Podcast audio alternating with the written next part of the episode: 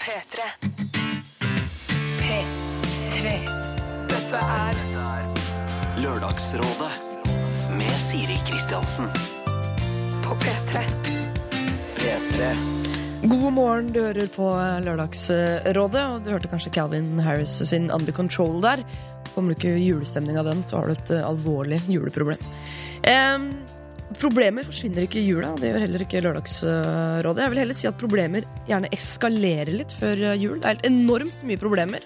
Folk er så lei seg. Det er så mye Plutselig skal du ikke bare forholde deg til eh, skolen, jobben og eh, vennene dine. Du må også forholde deg til uh, slekta di, som du kanskje har flytta fra.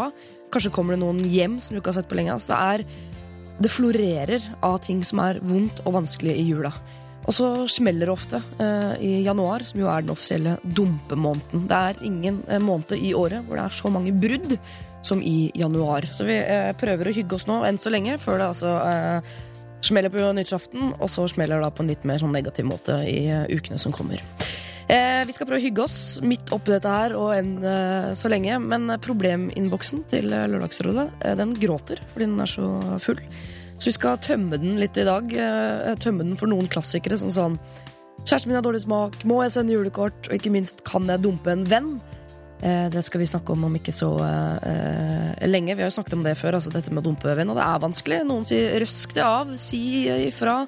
Dump som om det var typen din. Men noen sier også at det beste er bare å fade ut. Eller ikke dump eller gjør noen ting i det hele tatt. Plutselig er det en venn du ikke liker, som du liker allikevel når det har gått noen år. Man driver og går seg til hele tida. Vi skal også ta noen veldig rare problemer i dag, altså. Og vi har plass til ditt problem også hvis det er eh, prekært, så send det gjerne inn. Da er eh, mailadressen lralfakrøll.nrk.no. Dagens rådgivere er Audun Lysbakken, Synnøve Skarbø og Else Kåss Furuseth, men de kommer ikke før om en eh, ja, skal vi si ti minutter. Vi skal først en liten tur til Danmark og høre åssen det går med en jente som vi har truffet der. Eh, men nå, Kent. Dette her er eh, ingenting. Kent var det der, og deres uh, ingenting her i Lørdagsrådet på uh, P3.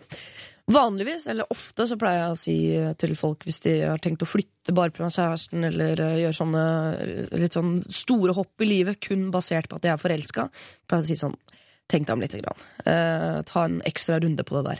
Men vi tok en runde på dette her for en eh, uke siden. Da var det en eh, jente som var eh, Ja, hun hadde vært psykisk syk, rett og slett. eh, Og vært mye hjemme og vært veldig sånn trygghetssøkende. Men hun hadde hatt en kjæreste hele tiden. I tre år hadde hun hatt en kjæreste, og de hadde alltid bodd på forskjellig sted. Og nå skulle han reise til København for å studere, og hun var usikker. Skal jeg bli med han? Jeg syns det er vanskelig her sosialt. Hvordan skal det bli i Danmark? Der kjenner jeg jo i hvert fall ingen. Men hun hadde ikke noen ting som bandt henne heller her hjemme i Norge. Hun jobbet på en kafé, riktignok, men tenkte at da kan Lise til jobb på en kafé i København, selv om det kanskje er vanskelig å få seg jobb og kafé i København. Men hun hadde også lyst til å bli fotograf, og de har jo gode fotostudier i København, og ikke minst en del fine ting å ta bilde av, har jeg hørt. Eh, Så hun fikk egentlig eh, ganske mange råd i retning av at jo, dra til Danmark. Disse rådene fikk hun av eh, ikke bare meg, men også Line Verndal, Christer Torjussen og Gaute Grøtta Grav, og vi skal høre noe av det. Her var det mye. Det her var det, jeg- Før det der med psyken så tenkte jeg ja, til København, da. for. Risikoen her er jo ikke så innmari stor, tenker jeg. Altså, Hva er det verste som kan skje, er at det blir slutt. Og det blir jo slutt. Hvis hun skal være fire år i Oslo på avstand, så vil det bli slutt uansett. Ja. Tror du? Ja, ja, ja, ja. Jeg bare håper at hun tar den sjansen og drar. Men skal det lykkes, så må hun faktisk overvinne den der dørstokkmila. Hun må komme seg ut. Ikke bare for sin egen del, men det er utrolig slitsomt å ha en dame eller en kjæreste som bare sitter hjemme og venter på at du skal komme hjem. Men jeg har sånn mal på mitt liv. Sånn, når jeg blir gammel og sitter på gamlehjem, eh, hva er det jeg kommer til å angre på at jeg ikke gjorde? Ja. Eh, og hvis hun ikke gjør Hun må jo gjøre, tenker Ja, jeg. i ja. utgangspunktet. Og så har du prøvd, da, hvis ikke det går. Men du kan jo ikke si nei til ting i livet ditt. Det høres ut her, eh, avstandslei jente, som at du må dra til eh, København. Og jeg har jo tidligere i Lørdagsrådet sagt at eh, nei, alle må ikke dra hele tiden. Hvis du har det fint hjemme, så bli hjemme. Men du har det jo ikke så fint hjemme, egentlig. Så dra og se om det blir bedre der. Og gjør det ikke det, ja, så er det lov å pakke sekken og dra tilbake igjen.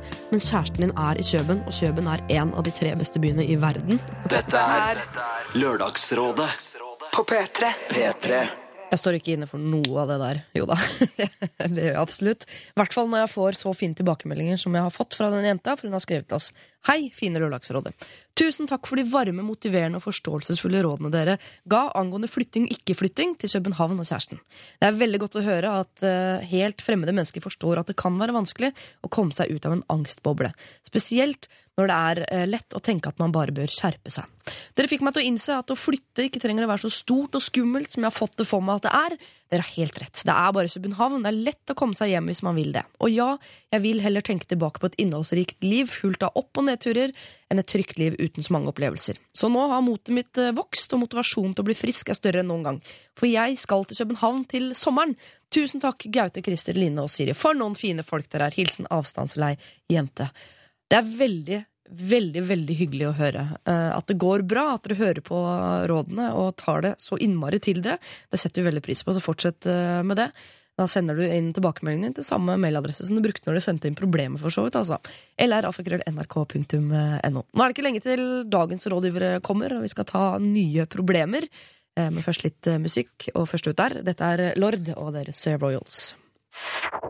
Hi as a kite var det since last Wednesday, og før det Lord og deres eh, Royals. Og eh, underveis i disse låtene så har jeg fått besøk av tre nydelige små nisser. Alle er nisser i jula, sånn er det bare. Eh, Audun Lysbakken, Synnøve Skarbø og Else Kåss Furuseth. God morgen. God God morgen. morgen. Nissei. Er, hva sa du? Nissei, sa jeg. Nisseheia. Ja, ja. Eh, Synnøve Skarbø. Ja. Jeg mener å huske Dette burde jeg selvfølgelig ha sjekket eh, Ja. nøyere, for det kan bli en eh, flau samtale nå. Du hadde et eller annet litt hemmelig prosjekt sist du var her. ja, det stemmer. Er det fortsatt jeg- hemmelig? Ja, det er fortsatt hemmelig. Jeg holder fortsatt på med det. Eh, så det blir så kjedelig å snakke om sånne hemmelige ting, er ikke det? Er det Ja, atomutvikling? Jeg kan røpe såpass at det er i nærheten av det. I nærheten av atomforskning? Mm, ja. Skal du bli første kvinnen på Mars? Jeg meldte meg på dette Mars-prosjektet. Ja. Er det noen som har vært om mars? Det er så Ja, ja, ja. ja. Du reiser til Mars, og så slipper du å komme hjem? Er det? Det skal være det resten av livet? Ja. ikke? Det er et kjempeprosjekt. Ja. Ok, men Da skal jeg spørre om det neste gang du er her òg. Ja. Om dette hemmelige prosjektet er uh, Peis på, Siri. offisielt. Det, er, det blir offisielt. Løser du En det Ja, jo- fantastisk. Ja, det hadde vært fint. Jeg liker Mars veldig godt. Det er en rød planet med mye uberørt natur. Sant? Hvordan natur er det der? Snakker vi, Er det mose, fjell og fjord? Nei, det er litt uklart ennå, men det er vel det de kan finne ut av. Ja. Noe Synnøve kan Ja. bidra til. Ja. Jeg skal spørre mer om Jeg det skal jeg er nysgjerrig. rapportere jevnlig. Noe som er nesten like mystisk for meg som Mars og alt det greiene der, er hva du driver med nå, Audun Lysbakken. Altså, hva er din jobb nå? Hvor kommer lønna fra? liksom? Jeg er jo fulltidsopposisjonell, da. Ja. Så jobben, jobben min er å plage Erna Solberg og Siv Jensen mest mulig. Det syns jeg egentlig at vi får til ganske bra. Er det gøy? Er det for politikere sånn, det er mye morsommere å være i opposisjon, men er det for man sier for å trøste seg sjøl, eller er det det? Jeg altså kanskje morsommere av og til, men det er jo, det er jo, det er jo bedre å styre landet enn å, enn å bli styrt av Erna og Siv. Det Ja. synes jeg jo. Men eh, jeg gjør jo mitt beste for at det skal bli minst mulig enkelt for de. Eh, Og det er faktisk jobben min. Så når du kommer på jobb mandag morgen, så setter du deg inn i hva Siv og Erna har klart å fucke opp i løpet av helga. Så går du inn og tenker hvordan skal jeg terge de mest mulig nå? Yes. Strikkepinner, sånn. Isopor på ruta, sånn type ting. uh, Else, Ja. Opposisjonell. Uh, du har ikke vært der siden før du startet med dette talkshowet. Er det gøy? Nei, det, det er veldig gøy. Det Ja. er veldig gøy. Er du ferdig nå? Ja, det er ferdig juleferie. Juleferie? Kommer tilbake til våren. Ja. Jeg lurte på om å være opposisjon, opp, opp, opposisjonell. Det beklager. Ja. Det, det, bolig- ordet. dette må vi ta og klippe bort, altså. Klipp det bort, klipp det bort. Å være opposisjonell er jo litt som å være singel, er det ikke det? Og nå hørtes det som en dårlig sånn standup-sett, men er det ikke det? Man later som det er sånn rock'n'roll og fett, liksom, og så er det jo best å være Ja. dopes. Alle er på jakt etter den ene. Eller Ikke altså, sant? ja, på jakt etter å styre landet. Det hadde vært gøy at jeg hadde faktisk bytta bort mann og barn for å få lov til å styre landet. Det skal jeg ærlig innrømme. Hadde du det? Ja, tenk så gøy, ja. Aldri fått sett deg igjen. Men da ville jeg ikke vært Jeg ville ikke ha styrt Norge eller vært sånn diktator, sånn at man virkelig kunne styre. Ikke noe sånn, ja, men da i forhold til den og den regelen for det året. Det er det kjedelige. Man må være sånn Jeg bestemmer alt. Og Hører han mannen din på programmet? Aldri. Ja, Aldri. han podkaster. Ja, ja, ja, ja. Podcast. Ikke nå, nei, for nå driver han og to unger og du vet, skifter bleier og tørker i gulp og det greiene. Men eh, jeg må ta en runde på sivil status. Det gjør vi alltid. Også i jule, julesesongen. Uh, ta samme runden der. Begynne med Synnøve. Ja, jeg er singel, holdt jeg på på seg. Jeg er samboer. Hører mannen din på dette her? Det tviler jeg på. Jeg er singel, holdt jeg på å si. Jeg er samboer. Hva er det for noe? Nei, men det begynte på S. og bare, bare jo, Ja. at Du hadde snakket om singel. Nei, jeg, ja, jeg er ikke singel, jeg er samboer. Et barn. Ja. Skulle dere gifte dere? Nei. Nei. Stemmer det. Unnskyld. Nei. Nei. Audun? Jeg er gift. eh, Tre barn. Det var veldig Tre? Ja. Ja. Jeg har Syns det blir en eh, flere to små og en eh, Ja, bondesønn på 13 år. Mm. Og så um, Ja, så har jeg juleferie. Det er ikke en sånn sivilstatus juleferie fra i dag, så det var veldig populært at det første jeg gjorde, var å dra hit og være på radioen. Så jeg får hilse hjem. Ja. Kona er eh, sur nå? Eller? Nei, nei da, men, uh, men uh, det blir jo Hun er sur, du hører det på. Nei. Nei, er. Nei, nei, nei. Det er derfor du må bitter. bo aleine, for da er det ikke noe trøbbel. Ja, Der det er er jo en nydelig overgang til deg, da, Else. Hvordan er det med deg? Jeg er, er pairen til Audun. Tenk så gøy det hadde vært. Lage thaimat og vaske. Jeg bor aleine på, på tre roms. Det er veldig fint. Det er bare ett rom om gangen. Det er veldig koselig. Ja. Så jeg hygger meg. Har du katt? Nei, vær så, vær så snill. Nei, ok, du Nei, men det er så, hva- hva- nei, nei, nei, ikke Nei, men jeg bare katt- innbiller meg at jeg leste lest. Nei, men, men med en gang man liksom bor alene, så har man katt. Ellers er ikke glad i dyr, og er glad i folk. jo. Ja, men jeg mener sånn, hvis du skal velge Men hvis du, Målet er jo til slutt å bo sammen med noen. Det er en måte sånn botreningsperiode. Før jeg dør, Mm. har jeg et dørskilt. Og da tror jeg det er lurt å ikke gå til innkjøp av veldig mye katter. For da gjør det hele den prosessen vanskeligere. Katt er gratis. Mm. Bare nevner det. Ja, nei, men jeg skal ha jasekatt. Ja, Jeg skal ha katt. jeg skal Katta skal være fin. Herre min natt for en katt. Ok, jeg eh, legger jo alle mine fingre i og at du får deg kjæreste før du får deg katt. Bare så det Det er er ikke er en hastesak, altså.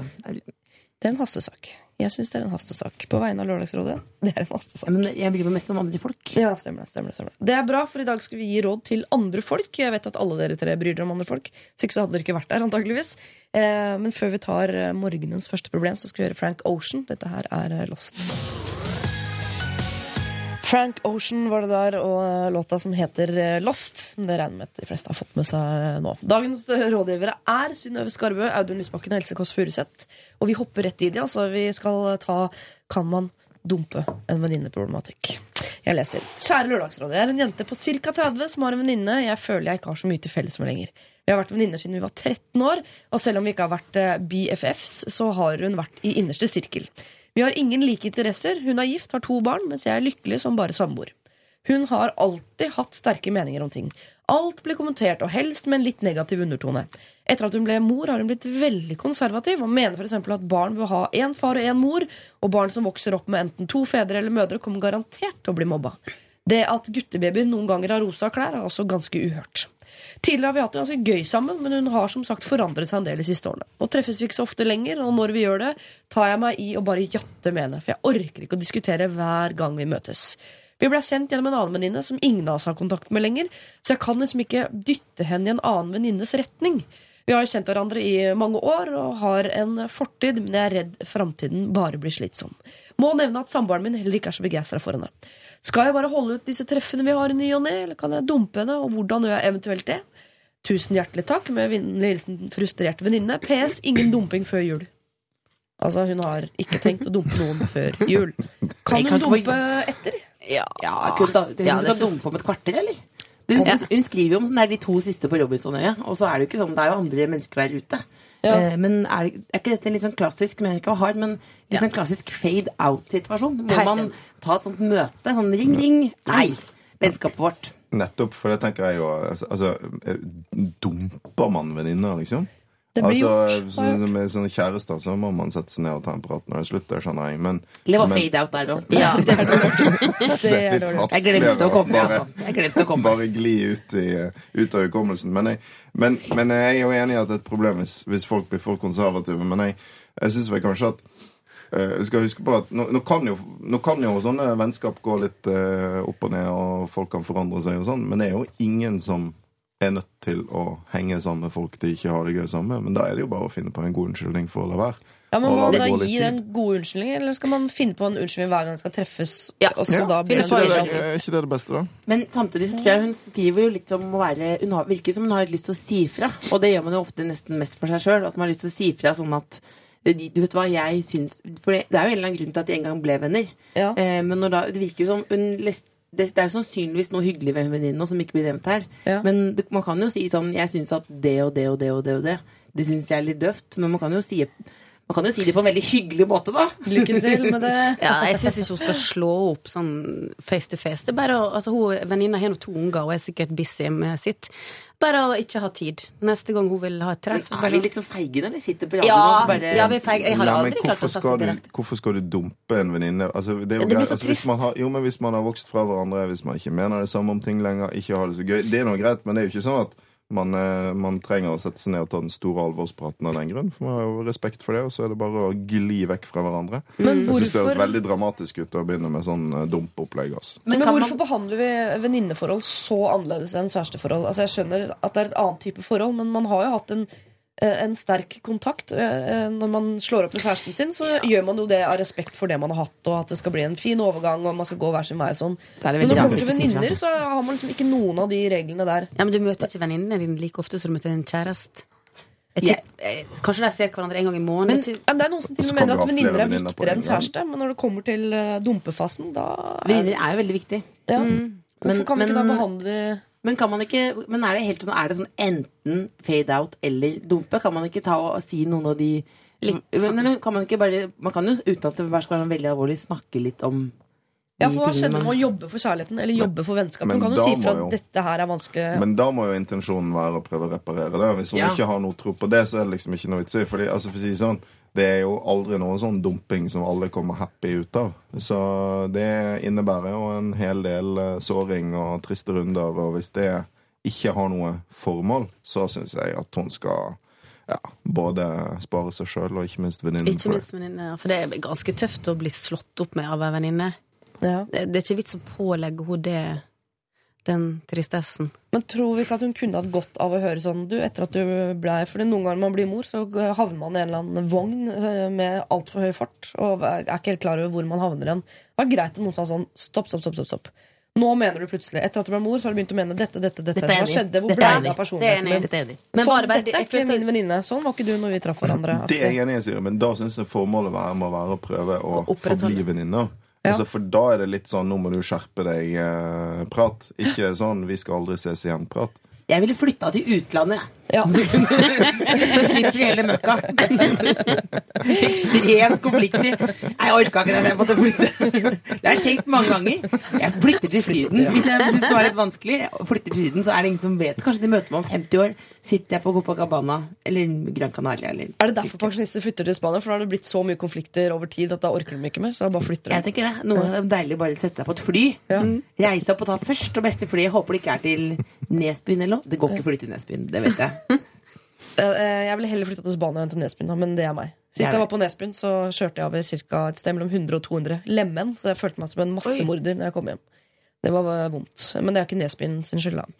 Eh, altså, fade ut syns jeg hører her, men kanskje ta en samtale først. Men da må intensjonen være Å bevare vennskapet. Og jeg tipper frustrert venninne her, selv om hun tenker at intensjonen ikke er å beholde venninnen, så er det litt feigt å bare tenke dumping. Hun er på et annet sted i livet nå. Selvfølgelig er hun ikke like kul som før, men hun kan jo bli Kanskje hun kan bli kul igjen, at hun Jeg er trenger jo- at du sier fra. Jeg er en god venninne av Silje. Hun har jo fått to barn nå. Jeg tror hun var mye fettere før, men jeg beholder vennskapet. Hold ut, hold ut! Jeg kommer til å bli sykt kul sånn i slutten av 40-åra. Um, uh, ja. Det er rett og slett det de gjør, altså. Gjerne frustrerte venninne. Ikke, ikke dump henne, verken før eller etter jul. Du kan godt ta en samtale med henne, men hvis ikke, for, både for å skåne deg selv og venninnen din, så er det lov med en klassisk fade-out. Dette er Lørdagsrådet På P3. P3. Band of Forces med The Funeral, og så har vi også hørt eh, One Republic og deres Counting Stars. Vi skal ta en runde på uh, kjærlighet og dårlig klessmak. Den kombinasjonen eh, der. Uh, Elskås Furuseth uh, har ikke kjæreste, men har god klessmak, vil jeg påstå. Det, det, det kan diskuteres, men det er på en måte ikke så interessant å diskutere. Men jeg tar imot komplimenter. Dere kan jo dere som er på, gå inn på Facebook og se på nå. Det er En nydelig sånn tigergenser. Ser kanskje ut som sånn blomstermønster på avstand. men Det ligger et bilde på Facebook. Zoom, hvis det er mulig, på Det Face. er ikke Tiger. zoom, strekk ut, og du får deg en latter. Nei, men, du tar, men det er jo Hvis du bruker tiger, eller hvis du først er inne på det, eller leopard Skal ha bruk en lang greie om det bruk, bruk lite. Bruk lite av Og det. det er feil. Aldri egentlig helt feil med genser. Et lite belte, for eksempel. Tigerbelte. er Perfekt. Ring. Men Else, du har nå fått veldig mange terningkast seks av Jan Thomas siste året. Ja, det er siste bare, ja, det er bare hvis du, tar, hvis du er litt rund, så er det bare kle deg svart, høye hæler, eh, marker midje, eh, midje gå til frisøren, store øredobber, terningkast seks. Terningkast seks. Skjul kroppen din, terningkast Eller du skal være sånn vampete, litt sånn Gina Tricot-sexy. Liksom. Du skjønner? Jeg skjønner hvor du Rock'n'roll sånn eh, så, Som privat så er jeg en fin, jevn ener. Takk men. Dette er vel ikke det vi skal snakke om, er det det? Eh, Det er ikke det jeg snakker er om, men eh, her velger vi jo selv hva vi snakker om. Jeg går videre til Synnøve Skarbø, som da har kjæreste, og også er flink til å kle seg, vil jeg påstå. Mye fint. Mye fint. Og Audun Lysbakken, som er et sånn som vi vil at menn skal kle seg, som går i sånn god strikka jakke og litt sånn rufsete skjegg, og så ser sånn Ja, sånn, du kjører Hans Olav Brenner-stilen, det liker vi godt. Ser ut som du kan tenne i peisen, men også lese en bok. Det var hyggelig sagt. Altså, jeg trodde jeg hadde god eh, klessmak helt til jeg eh, da traff eh, Siv, min kone, som mener at jeg ikke hadde det. Så hun, det satt, hun satte meg under administrasjon. Men du er bedre oh, ja. kles- klesstil privat enn på TV, har du ikke det? Fordi på TV så går du fortsatt med pins. Det er jo det, er Altså, det dummeste med å bli politiker. Det er det som er grunnen til at sånn ungdommen har Vet du at jeg har jeg har innført en sånn regel i vår stortingsgruppe om at alle må gå med sånn partipinn. Du, det syns du er forkastelig? Nei, i hvert fall, det er ikke Det er jo i akkurat den sammenhengen her. Det er fint med pynt, men hva det symboliserer Viktig, bra. Men utseendemessig ikke bra. Men jeg Ikke syns det er stor forskjell på å ha én og å ha veldig mange. Da ville jeg gått for mange. Nei, det det... du ville gått for mange? Ja, for det er en hobby, på en måte. Ja. Da blir du fort gæren òg. Men Ja, vi skal det- faktisk, tro det eller ei, fra noe som er verre eh, Eller til noe som er verre enn pinn. Vi skal innom eh, blant annet bandana. Ok, jeg leser problemet. Jeg har en kjæreste. En utrolig bra sådan. Han er et godt menneske. Spennende, kul, morsom, smart og en god elsker og til og med kjekk. Vi er samboere og har vært eh, sammen lenge. Jeg ser for meg at det skal vare livet ut. Problemet var at kjæresten min kler seg totalt smakløst. Garderoben hans består blant annet av altfor store helsetrøyer som rekker han til midt på låret, og altså går over genser og ytterjakke. Er det Snoop? Han kombinerer farger som gult og rødt. Han bruker en fluffy slalåmjakke fra 80-tallet i rosa og lilla som er kjøpt på Fretex. Dette er bare noen eksempler. Derfor priser jeg meg lykkelig de gangene vi er nakne sammen. Det siste innslaget til garderoben er en bandana av typen Hulk Hogan. Og det var dråpen for meg. Vi skal ut i dag og handle julegaver. Mens jeg sto foran speilet og stelte meg, begynte tårene å trille. Jeg tok meg selv i å stå og gråte i fortvilelse over at jeg må gå rundt i Oslo og leie på en gutt i bandana. Jeg vil ikke være hun bitchekjæresten som bestemmer absolutt alt i forholdet. Tar alle beslutninger på vegne av han. Hvordan det skal se ut hjemme hos han. Hva vi skal spise. Hva vi skal gjøre, osv. Skrekken min er å bli en sånn jente som ikke unner kjæresten å ha det gøy med andre, og som gnåler og sjefer, øh, til det til slutt ikke er mer eh, menneske igjen av han. Jeg ser ikke meg selv som et overfladisk menneske heller. Jeg er jo glad i klær, men kjøper dem sjelden av politiske grunner. Jeg er fullstendig klar over at jeg ikke ser ut som en million dollar selv. Men hva skal jeg gjøre? Jeg vil ikke ha han med på tilstelninger og fester som betyr noe for meg. Frykt for hva han kommer til å ha på seg. Noe jeg syns er veldig synd, for vi har det gøy sammen. Han kan snakke med alle, og han er godt likt. Jeg tror ikke han gjør det for å få oppmerksomhet eller for å uttrykke seg. Jeg tror rett og slett han bare ikke vet sitt eget beste, og ikke evner å kjenne mellom hva som er dritstygt, og hva som er ok. Jeg føler vi kan snakke om nesten alt, bare ikke dette. Jeg vil ikke såre han, og det strider mot prinsippene mine å bestemme over et annet menneske. Så skal jeg slippe katta ut av sekken og stille han ultimatum med meg eller bandanaen? Skal jeg kjøpe nye klær til han som han kanskje ikke liker, men vil gå i for å tekke meg? Skal jeg begynne å kle meg som om det var bad taste party hver dag selv, og se om han tar hintet? Eller skal jeg bare bite det i meg? Ærbødigst jente 19. Kjøp han, Kjøp kan dama, tenker jeg først. Det kan jo tenkes at han gjør det fordi det utløser mye nakenhet, og det er bra. I så fall er han the smartest guy alive. Nettopp. Så. Men ellers så vil jeg kanskje si at dette er et Vest-Europa-problem. Det er ingenting å gråte over. Nei, men det har hun allerede stått foran speilet og grått i fortvilelse. Så han det? Nei, det tror jeg ikke. Hun gikk og gjemte seg vekk. Ja. Hun grua seg så mye til å gå rundt sammen med han. Dette her problemet har jeg hatt veldig mange ganger. Ja. Med forskjellige typer opp. Jeg òg.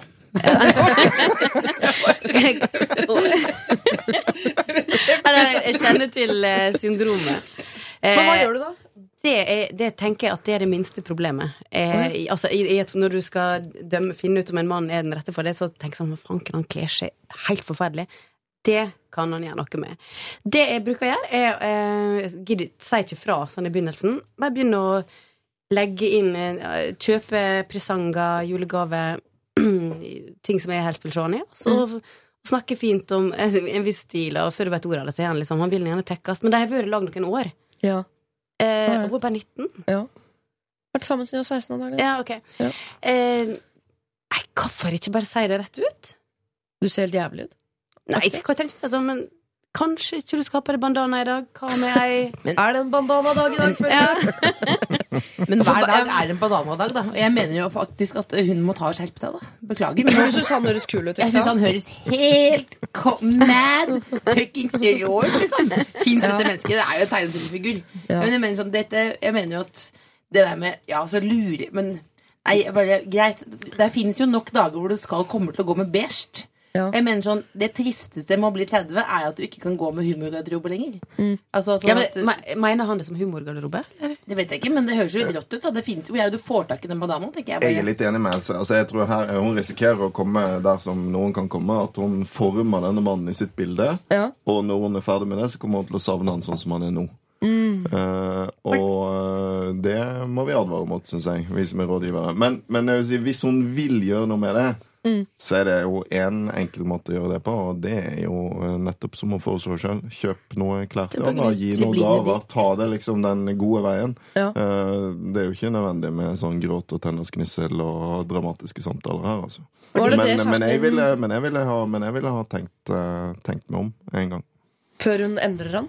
For det er typisk damer at de skal endre mannen. Men jeg mener at det er, ja, det er gøy seg, ja. å kjøpe klær til typen, og da kjøper du ikke Du fortsetter ikke å fluffe den stygge garderoben. Men du skal ikke gå ut altså Selvfølgelig skal hun få lov til å kjøpe klær til typen sin, og da kjøper du ikke flere bandanaer, for eksempel. Da Nei. kjøper du jo eh, strikkejakke, for eksempel. Ja. Men de gangene du har prøvd å forme kjæresten din, Synnøve, Ja. så har jo det gått og rett i at du dundas den veien hun har Ja, er sant? Men altså, jeg har bare eh, trekvartbukse og sånne frakker som går sånn midt på sånn Ivar Dyrhaug-aktig. Jeg, jeg klarer ikke det. Dere, Ivar Dyrhaug? Nei, Ivar Dyrhaug-jakke. Dere vet sånn som Å, ja. går ned, og, ned på midt på låret. Jeg, jeg, jeg kan Så ser miste, jeg mister komfjakka lystet. fortsatt. Ser ut som hun har på seg komfjakka fortsatt. Sånn dobbeltspent, litt for stor. Jeg føler det eh, eneste du må sette grensen med, er hvis du ser ut som kjæresten din skal kvele noen eller noe. Og ta på sånn Matrix-frakk. Matrix-frakke. Ja. Eh, Altfor stor hatt, alle de tingene der. Det mener jeg sånn.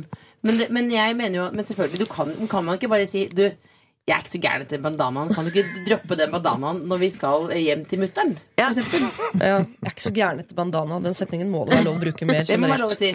Det, er- for det føler jeg det er jo noe alle kan signere på. Blå-blå, rød, alle er med på det. Jeg er ikke så Ja. gæren til den bandanaen. Men jeg eh, kan jo overta bandanaen. Hvor gammel er han? 19, eller? Ja, 19. Ja. Men øh, jeg syns også at hun øh, faktisk burde ta en runde på sånn Han høres ut som en helt rå fyr. Ja, han gjør det. Uh, men hun syns dette er så fortvilende at hun står og gråter foran speilet. Da mener jeg da må hun få lov til å ta noen grep. Og man blir jo ikke Nå må jeg spørre øh, eneste mannen i hurven om her nå, da. Blir man hun gærne, bitchy kjæresten av å, å smyge inn en øh, nydelig genser i ny og ne? og- Nei, jeg tror ikke det. Altså, det hun kan til og, med, til og med oppleve at han syns det er skikkelig hyggelig, fordi hun bryr seg. Så det er veldig bra. Så jeg ville tatt det den gode veien, liksom. Ikke et vondt ord om bandanaen, eh, men legge inn et godt ord for eh, dette nye plagget som hun legger under treet til jul. Men er det ingen som mener at hun kan si et vondt ord om bandanaen høyt? Jeg mener det. Ja, men jeg er ikke så gæren etter Jeg er bandanaen. Jeg mener seriøst, det plager meg. Kanskje jeg er en veldig døv dame, da, men jeg digger ikke bandana. Det er sorry. Så må jeg. Det, er, det er så greit å Det høres ikke ut som noen oppsigelsesgrunn i forholdet. Det Nei, nei, nei. Men du må huske på at det fins jo så mange andre uten bananer. Så på et eller annet tidspunkt så sitter du der og gråter i dusjen fordi du savner bananen. Ja, det er det som Det, kan skje. det, det, er- det er min eneste liksom, lille advarsel. Men han her høres ut som en uh, fyr som tar det her kult, tror jeg. Ja. Uh, så så uh, hun må bare finne ut hvor langt hun egentlig vil gå før hun, før hun begynner å savne bandanaen. Ja. Det kan Han skje. høres ut som DJ Dan. Eller er det Ronald McDonald? Ikke? Men jeg må også si at det er et tegn på ekte kjærlighet er den dagen du begynner å like feilene nesten best. Så du tenker sånn, eh, Hvis du et, etter et brudd savner det som er gærent, da er det, sånn, da er det virkelig eh, kvinnen eller mannen i ditt liv. Og han her høres helt sånn Han er godt menneske, spennende, kul, morsom, smart, god, elsker, kjekk. eh, og I tillegg så er det gøy på fest, han er godt likt, snakker med alle. Altså Det er så mye bra her. Og så i tillegg har du bandanaen. Det er på en måte unntaket som bekrefter regelen på at dette er en perfekt fyr. Og den dagen du lærer deg å elske bandanaen, så tenker jeg da er dere da er dere ikke bare i mål. Da er dere liksom i mål for godt. Ja, kan hvis bandanaen kommer med pakken, liksom, Ja. så spørs det om ikke hun bare må ta pakken. Men en Ja. måte som hun skrev selv, det der at hun skulle få dårlig stil sjøl Ja. Hvis, vet- du hva? hvis du en dag tar og, og skinner deg Sånn at du har skalla bare på toppen Mm. eh, og langt over på siden. Da kan du bare si 'se på den her', du. Da ja. nå viste jeg fingeren, da. Altså 'se på den her', viser fingeren. Ja. og da ser jeg på møter han seg sjøl i døra, da. Ja, og det blir skikkelig kjipt for han, liksom, at hun går rundt og ser helt Hva er tanken videre tanken utover? Det er ikke sånn du sier sånn ha-ha, tok du poenget? Og så gror håret ut igjen. Det er jo et halvt år hvor hun, hun er skalla, da. Det er Men det er, jo, det er jo en pris å betale. Nei, det syns jeg faktisk ikke det er. Ikke noe kommer gratis her i verden. Det er gratis å barbere seg, men det er etterpå så kommer det der til å svi. Altså. Ikke gjør det, jente 19. Hilsen Lørdagsrådet. Men det du skal gjøre, er altså prøv å lære deg å elske også det ved typen din, for han høres så kul ut. Og jeg skjønner at det, skjønner at det er flaut å gå eh, på Bik Bok med en fyr med bandana. Jeg skjønner at det er litt døvt. Eh, men eh, prøv å like det, eller så sier du eh, setningen 'Jeg er ikke så gæren etter bandana'. Det er lov å si. Og så er det lov å Nå er det jo jul. Kjøp en fin genser altså, som du liker, og sånn, og whips! Så syns han også den er fin. Og så er vi i gang. Du har ikke endret han som menneske. Du har bare fått han bort fra ban bandanaen. Og det, det er lov.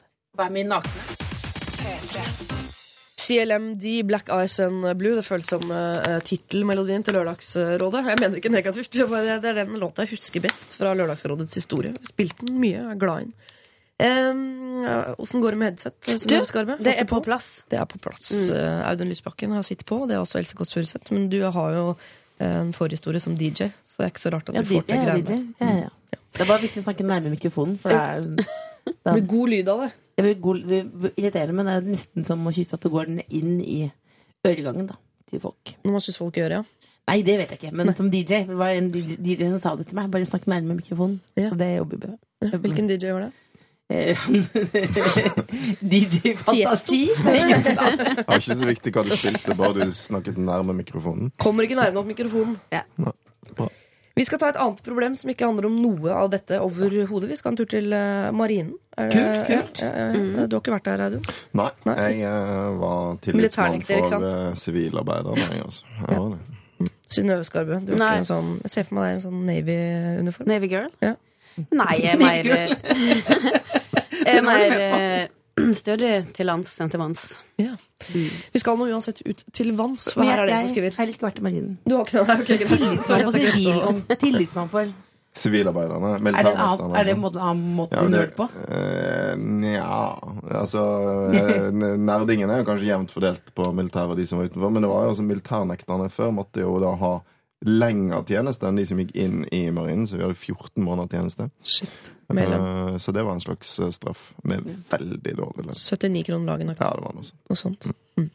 Hallo, Lørdagsrådet. Jeg har kommet opp i en vanskelig situasjon. Jeg er i marinen og jobber på et stort skip, og en av oppgavene jeg har, er å forvalte adgangssystemet om bord. Det finnes en del adgangbegrensede rom som man må ha nøkkelkort for å komme inn i, og alle bevegelser registreres i et datasystem. Noen av rommene er sjelden besøkt, og få har egentlig noe å gjøre der. Ved en tilfeldighet oppdaget jeg at en av de høyere offiserene og en matros låste seg inn i et av disse rommene omtrent samtidig nattestid. Jeg klarte ikke å la være å sjekke det nærmere, og disse eh, samtidige besøkene har foregått et par ganger i uken over lengre tid. Man kan jo bare spekulere i hva som skjer i dette rommet, men mine tanker går rett i underbukseland. Jeg har prøvd å observere kontakten mellom de to i hverdagen, og de har litt altså en litt anstrengt tone, som om de prøver å skjule noe. Dessuten kan det virke som om matrosen får noen fordeler. Han slapp f.eks. av vakt på julaften. Han ble forfremmet raskere enn vanlig, og han er den som alltid har sigg. Kan jo være tilfeldig, men man blir mistenksom. Hva burde jeg gjøre her?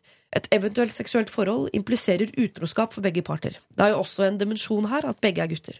Kanskje verst for offiseren som har kone og barn. Bør jeg undersøke det nærmere og prøve å avsløre dem, eller er ikke dette min sak? Det er jo egentlig bare et tidsspørsmål før andre enn meg finner det ut. Hilsen nattevakt. Det er jo først fremst veldig spennende å se for deg alt dette her. Da. Ja, ja, dette er, er det en er det en ubåt? Eller hvordan er det? Ja, Nei. det- Men det, er sånn, en, det er sånn NCIS, eh, NCSI-feeling. NCIS. Nettopp. Ja, nettopp, veldig. nettopp. Ja. Enig, det er det, altså. Men altså, er det en ekstra dimensjon her av disse gutter? Hvorfor det?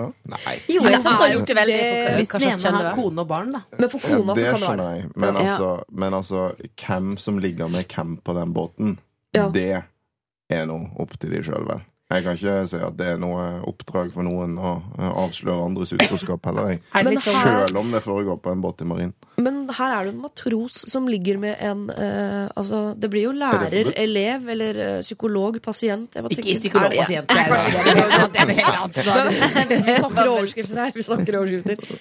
Er det helt greit at de har et seksuelt forhold?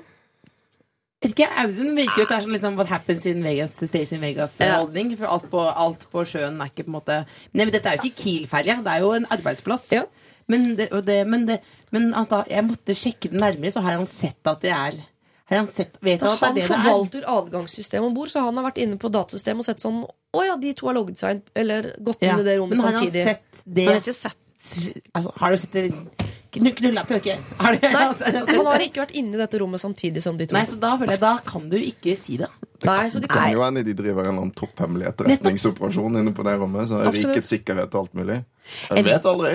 Jeg ville nå av rein nysgjerrighet, hvis jeg var han her, da, eh, sjekka det nærmere bare for å finne ut om det faktisk stemmer. Men så ville jeg holdt det for meg sjøl. Ja. Jeg ville tatt også, kanskje, eh, kan man, Nå lurer jeg på, føler jeg dette er, burde du vite egentlig, Audun. Mm. Ta det liksom med sjefen. Altså, eh, men, da, men da kan man jo kanskje få følge for egen karriere. Men du, det ser kanskje litt Jeg har sett lagt merke til det. Det virker kanskje Er det noe som en slags sånn advarsel, på en måte, hvis du skjønner? For da kan du også kanskje eh, vinne penger på det selv. Men altså, det eneste som kanskje er galt her, er at det er vel, det er vel litt tvilsomt om en offiser ligger med en Gentleman. uh, many. Ja. Uh, det er kanskje ikke så bra. I hvert fall hvis han liker sånn- seg til uh, Sånn, sigg og sånn fri på bør det ikke julaften. være. Men, men utover det så utover det, Nei, men, sant, men utover det så er det jo ingenting her. Altså, om folk er utro, privatsak.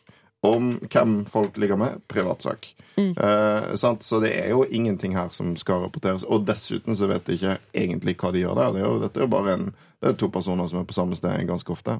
Men det kan jo være flere ting enn sex som foregår når to personer møtes. Hva er det de holder på med inne på natten Ja, her? jeg ble Det er ikke brodering, for å si det så mildt. Men uansett hva de to driver med inne på rommet, så driver de to kanskje med noe som gjør at denne matrosen får noen fordeler, som sigg og fri på julaften og forfremmelser. Kan du spørre ja, sjefen og si sånn eh, Det virker rart. Skjønner du hva jeg mener for deg, Audun? Mm, ja. Men at man lurer sånn Kan man bare uten å liksom bare si jeg har, jeg har observert i nattes... Nei, det høres Nei, ja. det høres så klagete ut. Du kan Det ikke, er, kan ikke sladre. det er sladring, altså. Ja. Og så må han jo, det er et element som Else sier også, hva, eh, hva vil han videre i marinen? For dette kan jo uh, slå tilbake på han hvis han tar det opp med en offiser. Hvis det er en offiser som er uh, villig til å gi fordeler for ligging, så kan han også uh, gi ulemper for varsling av ligging. Så jeg bare ser for meg Hvis han har tenkt å bli matro, eh, offiser selv en dag, så kan det være en her som kommer til å stikke kjepper i hjula for han. Ser jeg for meg, da. Jeg, synes, jeg lurer på eh, du, jeg, Dette virker litt sånn risky. For dette er snakk om at han har fått noe sigg og fri på julaften. Det er deilig Ja. å være hjemme med familien på julaften, men det er jo på en måte ikke han har ikke fått mild-overskuddet. Nei, han har blitt forfremmet raskere. Han har ikke fått aksjer i marinen, på en måte. Vet du hva jeg tror jeg hadde gjort? Da Jeg har spurt han eh, matrosen. Ja. Bare sånn, Du, eh, når du, når Det jeg først deg her Jeg la merke til at du logger deg inn på det og det rommet. Ja. Og så bare sett reaksjonen. Da vil han fort finne ut eh, hva som skjer. Ja, for han sier jo her at 'jeg vet Men det', og målet det er er vel ikke å finne ut hva tidsspørsmål som før andre finner det ut. Ja. Han kan jo gjøre det som en uh, Litt sånn gest til- også. Ja. Det er, altså, jeg har funnet ut, og jeg er antakeligvis bare førstemann som kommer til å finne ut, at du og eh, sjefen driver og logger dere inn på dette rommet om natten. Bare så du og er klar over det. Mm. Nei, Du virker litt som koko. Du, og uansett så er du taperen. Du er mannen med nøkkelkortene. Og du sitter og ser på at andre ligger sammen. Det, må, på en måte, sånn- det er jo alltid en veldig uverdig situasjon. Ja, Ikke at jeg har gjort det noen gang, men du skjønner hva jeg mener for noe? Jeg skjønner hva du mener, men jeg er enig i at han ikke har noe meldeplikt i forhold til de på utroskapssida. Altså konene og kjærestene der hjemme. Ja, det må sånn, det må holde deg unna, det har ikke du noe med. Men det er to stykker på arbeidsplassen som ikke bør ligge sammen, som antageligvis gjør det. Skal man ikke si fra om sånt? Det eneste som er interessant, er det der at matrosen har fått uh, Sigg. sigg. Mm. Ligg mot sigg. Det er det eneste, men det er jo også et, Men det er fortsatt et litt tynt grunnlag å ta det opp på, syns jeg. For det eneste vi vet, er at de har vært på samme sted. Uh, Mange ganger midt på natta. sam- ja. Det er bare midt på natta? Ja, på et hemmelig rom. Hva er det for noe? Satt opp sånn der spy Det fins jo på Ja. Storo i Oslo. Spy sånn spy shop. Så kan du kjøpe en liten sånn lite kamera, så kan du legge inn der, så ser du da. Så får du også bevis. Men da er jo, virker du igjen også gæren, da. Nei, litt- du virker ikke gæren når alle her inne, eh, i hvert fall tre av fire i dette rommet, også har lyst til å vite hva som foregår, og er i stand til å sette opp et eh, spycam. Da, det ikke, da representerer i hvert fall flertallet innen craziness. Man, man skal jo ikke sette opp spycam for å se på andre. Jeg bare river meg litt i Altså- ballhåret. Jeg skal ikke sette, opp spycam. Nei, nei, jeg ville aldri satt opp spycam. Det ville jeg aldri gjort. Nei, nei, nei, nei, nei. Nei, det her syns jeg det er for lite i, altså.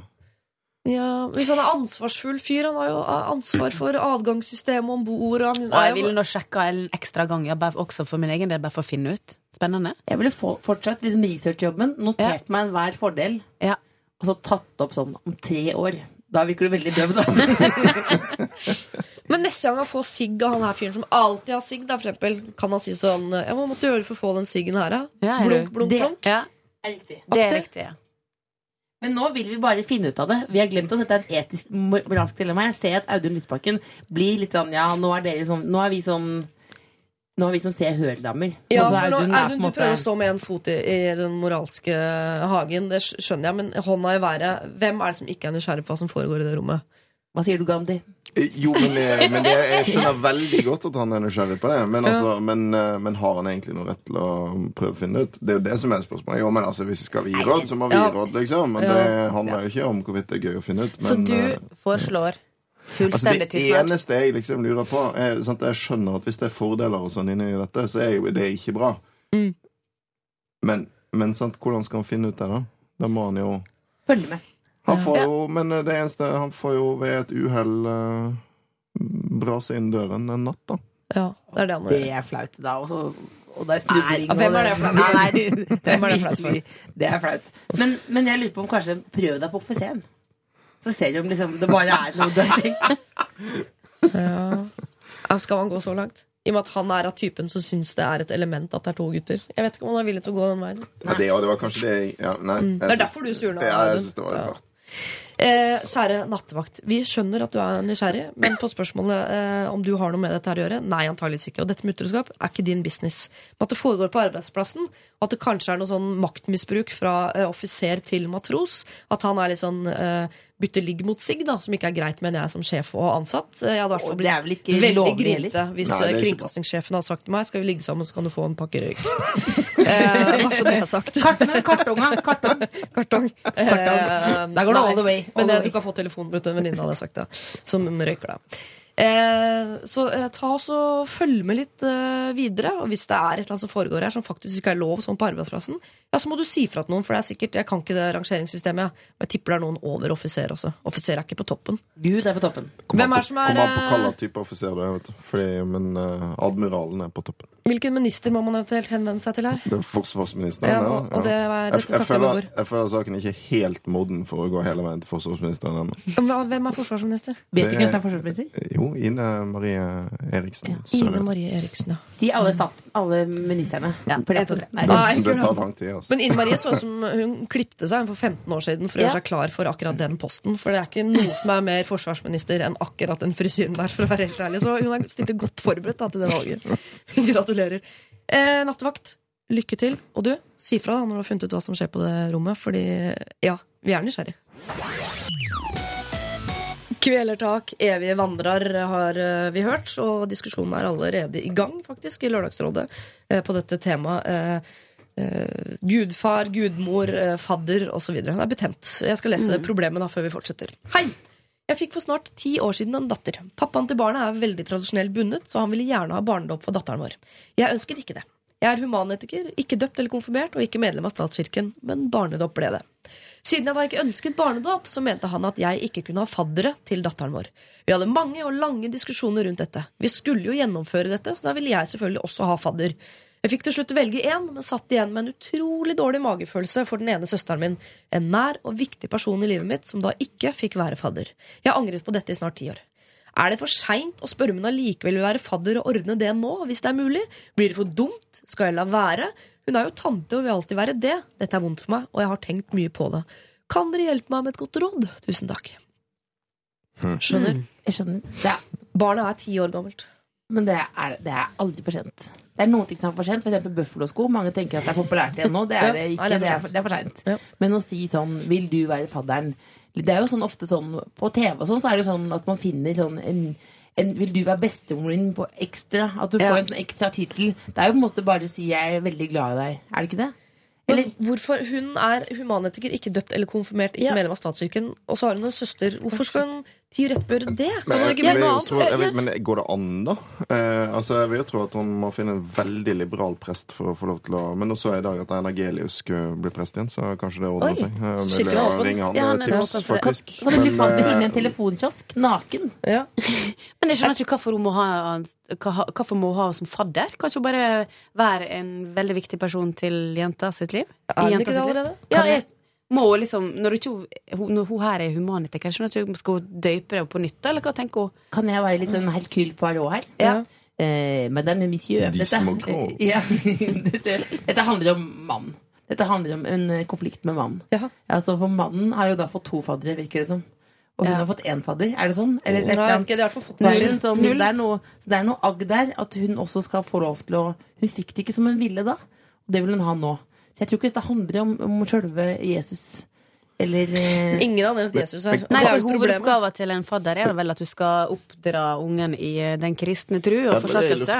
Fordi eh, ikke det egentlig altså Hva gjør fadderen, bortsett fra og, og Noen faddere gir kanskje en litt sånn ekstra fin gave, og sånn, ble det sagt her i sted, men, men eh, egentlig så er dealen at du skal stå for trosopplæring. Ja, Ja. det er ditt ansvar. Eh, og da er det selvfølgelig litt rart å ha en fadder som ikke tror.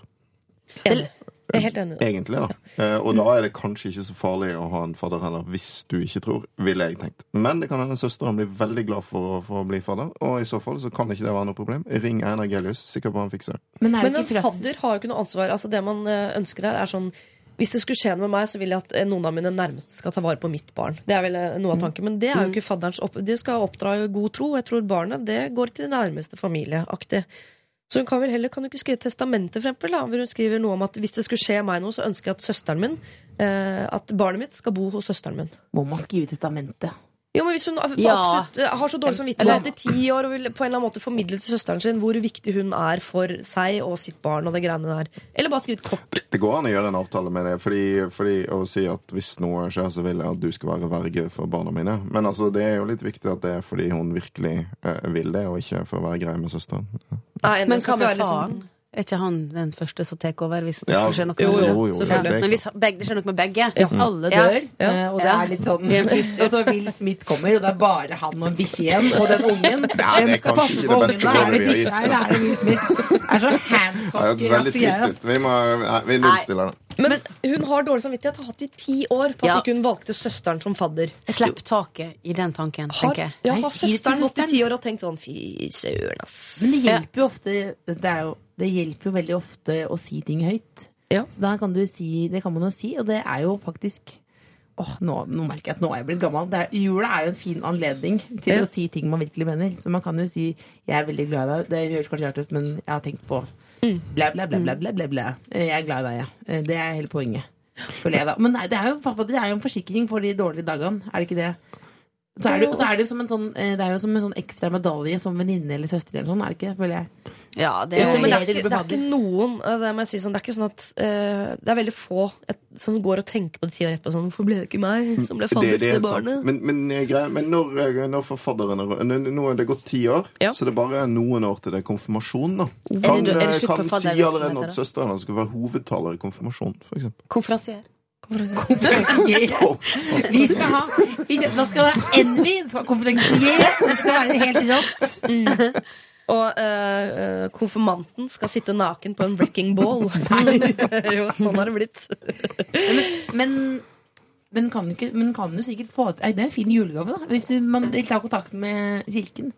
Ja. Men dere, dere føler at dette Nå er du sånn skeptisk. bare- Nå gjorde du den sånn Ja, nei, for jeg synes det er så rart, fordi Hun ville i utgangspunktet ikke ha dåp i det hele tatt. Og allikevel Ja. så har hun blitt gående og tenke på det ti år etterpå at hun vil ha enda en fadder. Altså Hun vil ha en som skal lære opp sitt barn om den kristne tro, som hun ikke er villig til å gjøre selv engang. For hun er ikke kristen, og hun vil egentlig ikke at barnet skal, men da skal hun ha enda en som skal gjøre det, som ikke kommer til å gjøre det, fordi søsteren er antageligvis heller ikke altså, Det virker som Det hun vil, er å gi søsteren bekreftelse på at du er viktig for meg, jeg vil at du skal være i livet til barnet mitt. Altså så skriv et jævla julekort, da. Og mest sannsynlig trenger ikke søsteren det, fordi søsteren har kanskje ikke gått og tenkt på dette i ti år. Søsteren er jo ikke kristen og har ikke lyst til å lære eh, niesa si noe Kanskje det beste om rådet er å ta det her med stor ro, men finn en anledning fort til å vise hvor glad du er i søsteren din. Ja. Og Men, det kan du gjøre på en annen måte. Boy, jeg tror det handler jo om mannen.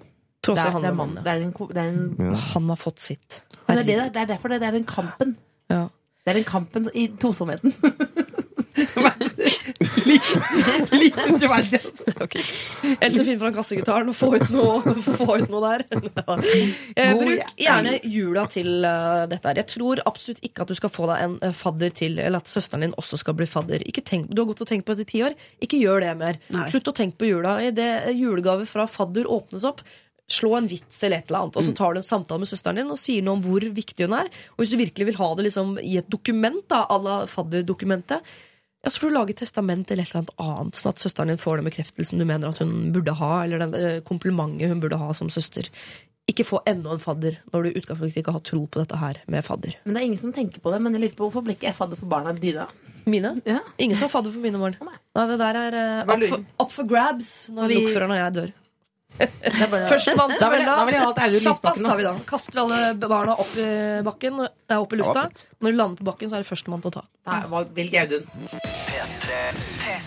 Ravi sammen med DJ Løv. Det var eh, dødssøtt, så du hører på NRK P3. Årstallet er 2013 enn så lenge, hvis du var i tvil der et lite øyeblikk.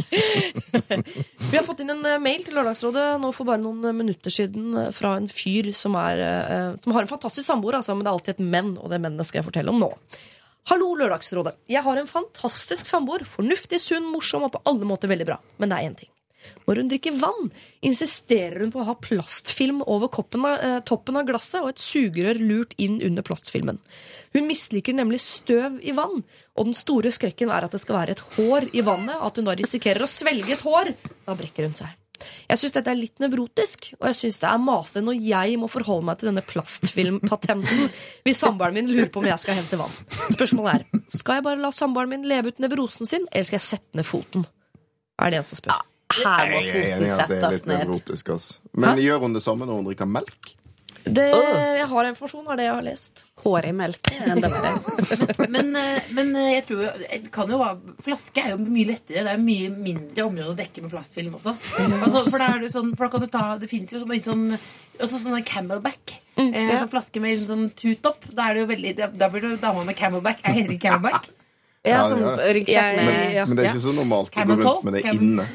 Nei, jeg går og ikke drikker eh, Det er ikke så dumt. Der. Jeg har kjøpt en kopi da, på Claes Olsson som fungerer vel så godt. Men skal man begynne, men skal man begynne da å, å, å tilpasse hverdagen rundt den. Misforstå meg rett, den gærne.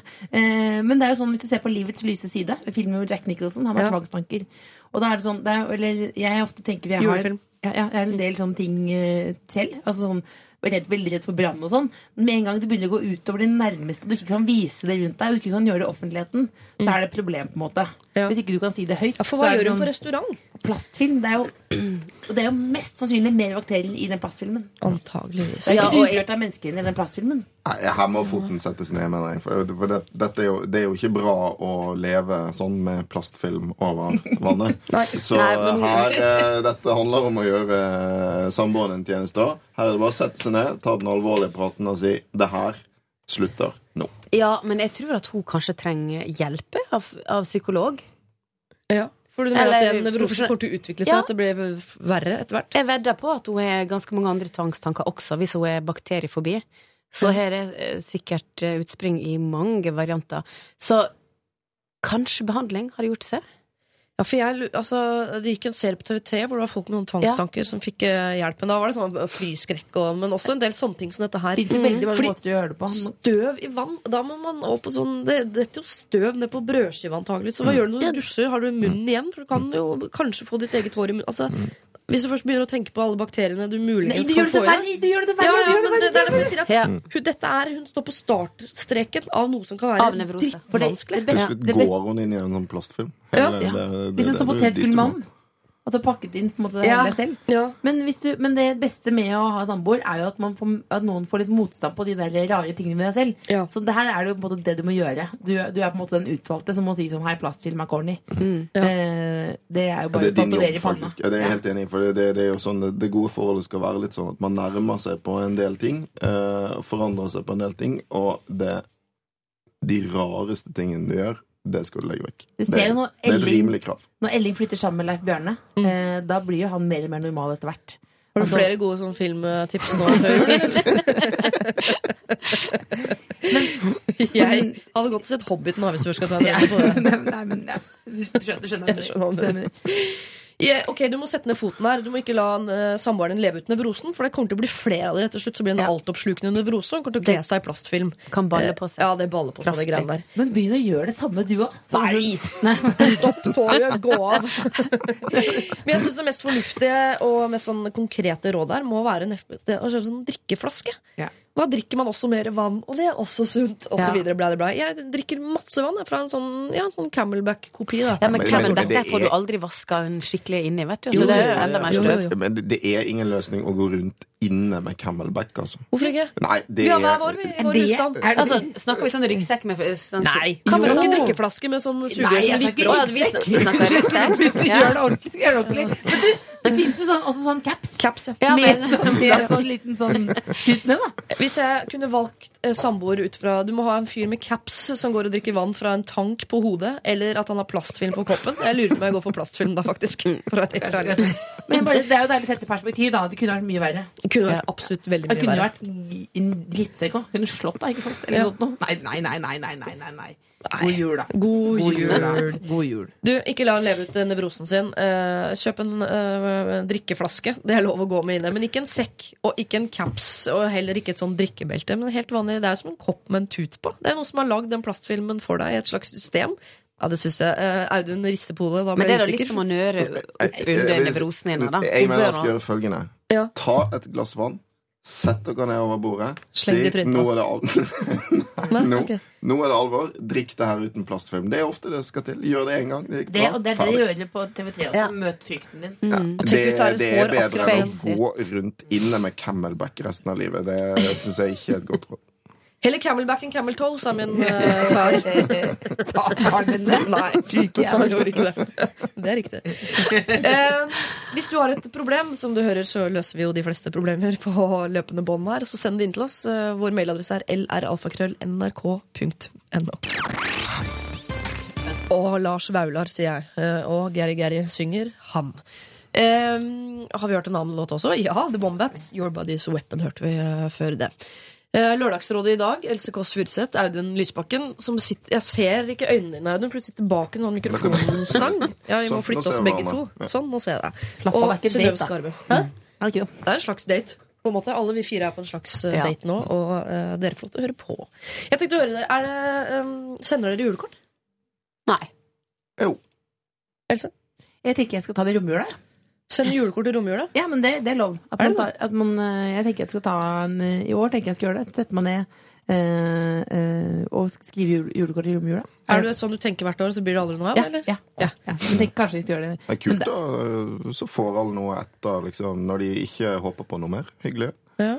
Jeg har skrevet sinnssykt mange julekort i år, faktisk. Fordi det var en sånn, en sånn side ved partilederjobben som jeg ikke var klar over. At du må skrive veldig mange julekort. Så det er- til de andre Men ikke sånn private med sånn bilder av barna i nisselueaktig. Til alle sånne fine organisasjoner som slåss for en bedre verden og sånn. Ja. Ja. Ja. Men skriver du jule, julekort, julebrev på privaten? Sånn i år har vært et godt år. Eller for det har det ikke vært så godt, da. Men i år har vært et ålreit år. Nei, altså nei, egentlig ikke. Jeg gjør ikke Jo, eh, til, til noen få. Eh, Vi sender et julekort fra familien. Mm. Ja.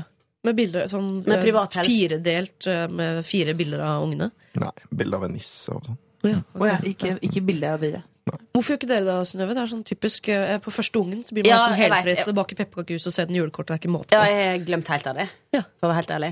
Men uh, hei, kortshop.no, for Ja. eksempel. Søstera mi driver den butikken. Å ja. så, så flaks. Eh, der burde nå selvfølgelig ha slengt inn et lite bilde av i nissehue. og- Som god Og så- søster så burde Ja. du det, altså. Men det er Hvis ikke du, Hvem er det som handler i butikken hvis ikke du kjøper? Det er utrolig Men smart. vet du hva, jeg har glemt helt av det. Ja. Kom på det nå når du sa Det det. er ikke for sent. Det er for sent. Ja, det er for, det er for Det er ikke for sent, det. Men blir du sur, Else, når du får eh, kort fra øh, venner av ungene deres og sånn? Tenker du sånn, da, men Jesus. Hva tenker du at du skal minne deg på hva alt jeg ikke har? Tenker Nei, men at det blir eh, at Jeg tenker at um, folk med barn er veldig opptatt av barn, men det Nei, er ikke så interessant for alle andre, koselig. Det er koselig. Og så har jeg sånn hengt opp en sånn der i, i vinduet. Ja. Så henger de der. Og med klesklipper. Men, ja, ah, ja. ja, ja, det henger det- fra mange år tilbake, da. Oh, ja. Sånn, så, Året rundt? ja, året rundt, ja. Er det. Er det, jo, jo. Jo, jeg har kort. Er det, er det så Det er det, er vise at du har venner på, da. jeg er ikke en massemorder. Jeg blir så sjokkert. Ja, men har du julekort hengende året rundt? Ja, og noe julepynt har jeg også. Hengende. Wow. Noe, noe litt, ja. Hvorfor ta det bort når du vet du må ta det fram igjen mm. neste ja, det er jo Om ti måneder? ja. Ingen vet. Kunne man sagt om mat og mye annet også. Men en, av og til må man Nei, det er ikke en utvekst på kroppen. Det er bare lite ja. To-tre julekorter som henger oppe fra en sånn pelikanfugl oppe i taket. Nelly Furtado har en kommentar. Det er All Good Things Come To An End. Den skal vi spille nå, og så skal vi ta et julekortproblem rett etterpå. Nelly Furtado er dette, som du hører på i førjulsstria. All Good Things Come To An End. Du hører på P2. Nei da, du hører på P3. Eh, men det var det. Her er det også Jeg julestemning. mistet mange lyttere der. Det var bare et sekund, og mange som rakk å slå av. P2! Fader, DAB-radioen fucker opp alt. Det gjør nemlig min i bilen. Hopper fra Det virker som den har egen smak. Jeg setter på P3-en, hopper til P1. Jeg setter på Klem FM. Kommer alltid over på um, MP3. Det er sant. Nei, det- ja. Det er nesten samme eh, forskjellen som eh, P3 og P1. Ok, uh, Synnøve Skarbø, Elsker oss Audun Lysbakken. Vi skal ta et eh, julerelatert eh, problem her. Hei, jeg har et lite problem. Det gjelder kort og godt julekort. Liker jeg veldig godt den setningen. Jeg er 30 år, singel og barnløs. Hver jul får jeg mange hyggelige julekort fra nære og litt mer fjerne venner og bekjente. Som oftest er det årets julebilde av barna. For all del, det er koselig, det. Det betyr nok mer for dem enn for meg. Men barna er søte, og det er småhyggelig å se hvor mye de har vokst. Selv om kortet havner i søpla etter romjula en gang.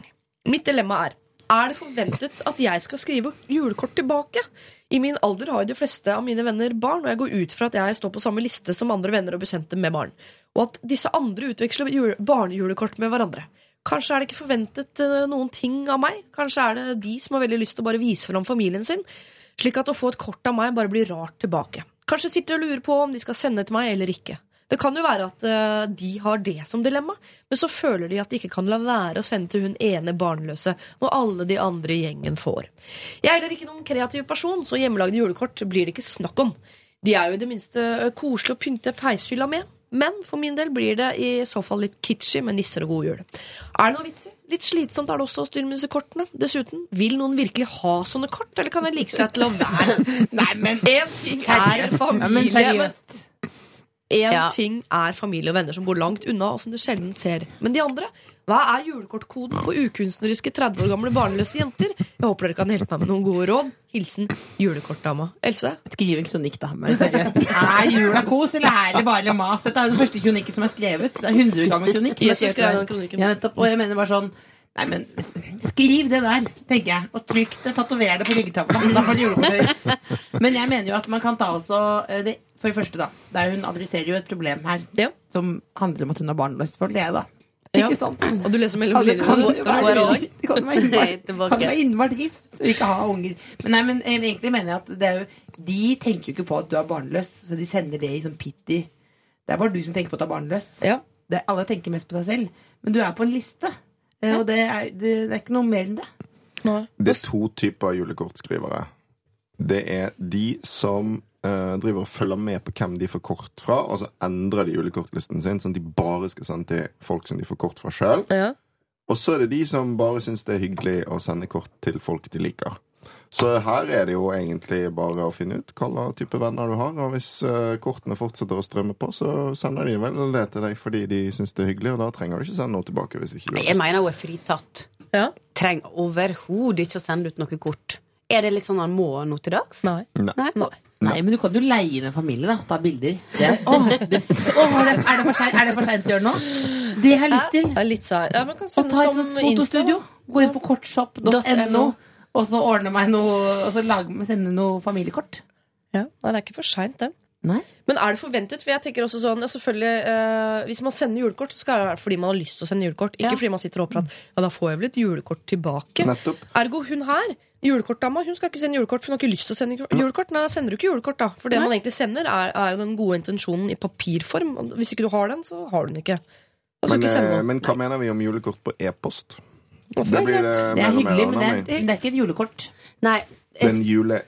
Det er en jule-e-post. Det er en jule-e-post, og det er jo Jeg vil si at du vil rate det hvis du skal ta Øverst er det menneskelig kontakt, som er klemme og hilsen og sånn. Og så er det gaver, som også Man må ikke undervurdere gaven. Altså en kontant utbetaling, på en måte. Og så kommer julekort. Og så kommer eh, SMS. Og så kommer e-post. Kommer e-post under jule-SMS? Ja, for SMS koster jo også, så det er også en kronasje her.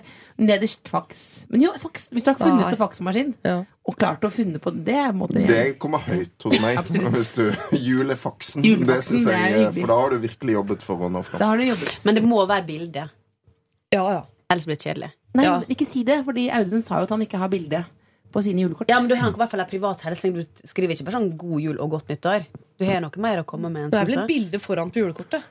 Det et Det er ikke hvitt foran, ja. Det er et bilde foran, og så skriver jeg Av eh, ungene, eller? Så skriver jeg litt, altså skriver mye til noen og litt mindre til ja, det kan Ja, ikke men- si, Jeg kan ikke si så mye om det. det. er Privat liksom- det, det er hyggelig.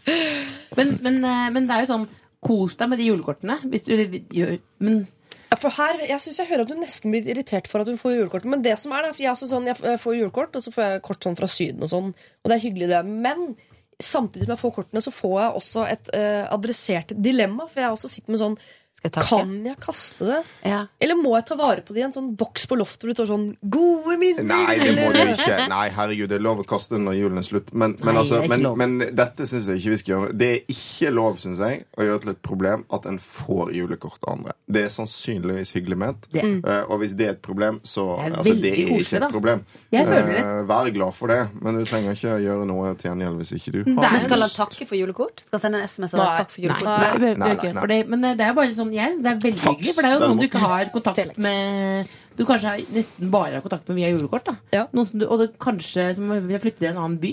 Eh, Så får du det, så føler, minner jeg på Og vi er fortsatt venner, så får jeg en god og varm følelse. Er det ikke sånn eh, en god form for poking? Litt sånn 'hallo, jeg fins'? Ja. Aktig. Jeg fins. Ja. Hvordan kan det bli et problem?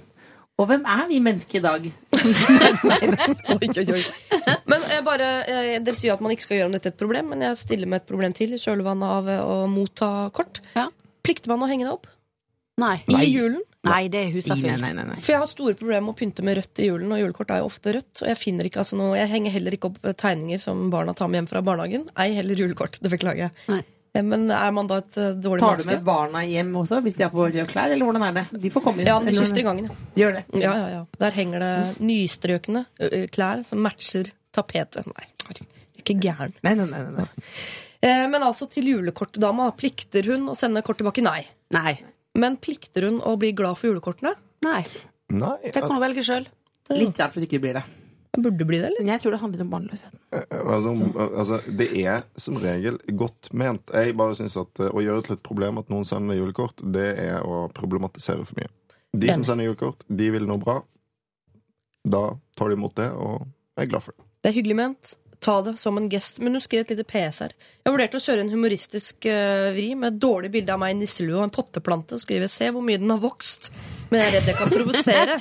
Det er jo Nei, gøy. det hadde vært Det er kjempegøy. kjempemorsomt. Det må du gjøre. Ja, det, er, det er jo kjempebra. Vi er tre foreldre her eh, Ja. nå som kan si med hånden på hjertet at hadde jeg fått bilde av en venninne med en potteplante som skriver 'se hvor mye den har vokst', jeg hadde ledd av det. Hadde Det er veldig gøy. Ja. Gjør det neste år, da. Eller det leie en familie. Eller lei en familie. Det er så morsomt. Det er lov med humor tilbake. Herregud, Vi vet at vi er i en sånn klisjéfylt boble, vi som har små barn. Og sånn er det. Eh, god jul! P3. I Am A Jedi var det der, og låta 88. Og vi har jo tatt for oss eh, problematikk eh, angående julekort. Vi hopper lett bukk videre. Julebukk. Nå begynner jeg å komme julestemning. Det nærmer seg liksom juleferie. Eh, Vi skal selvfølgelig innom julegaver, som også kan medføre en del eh, problemer, selv om det bare er hyggelig ment. Ja. Hei og tusen takk for fantastisk bra. Ingen, bare hyggelig. Ingen lørdag uten. Bare hyggelig. Samboeren min og jeg har kjøpt gaver til hverandre som er ganske like og vært ca. like mye. Men jeg har også kjøpt en dyr gave, ca. 2000, til han fordi det er noe jeg vet han ønsker seg. Jeg tviler sterkt på at han gir en ekstra gave til meg. Han syns egentlig gaver til voksne er tull, men gir meg fordi jeg gir han. Skal jeg være å gi han den dyre gaven? Vi skal uh, være med hans foreldre på julaften, og jeg er redd det vil se ut som jeg prøver å være bedre enn han. Hilsen rådvill nissekone. Ja, nei, vet du hva? Peis på. Klart han skal få den.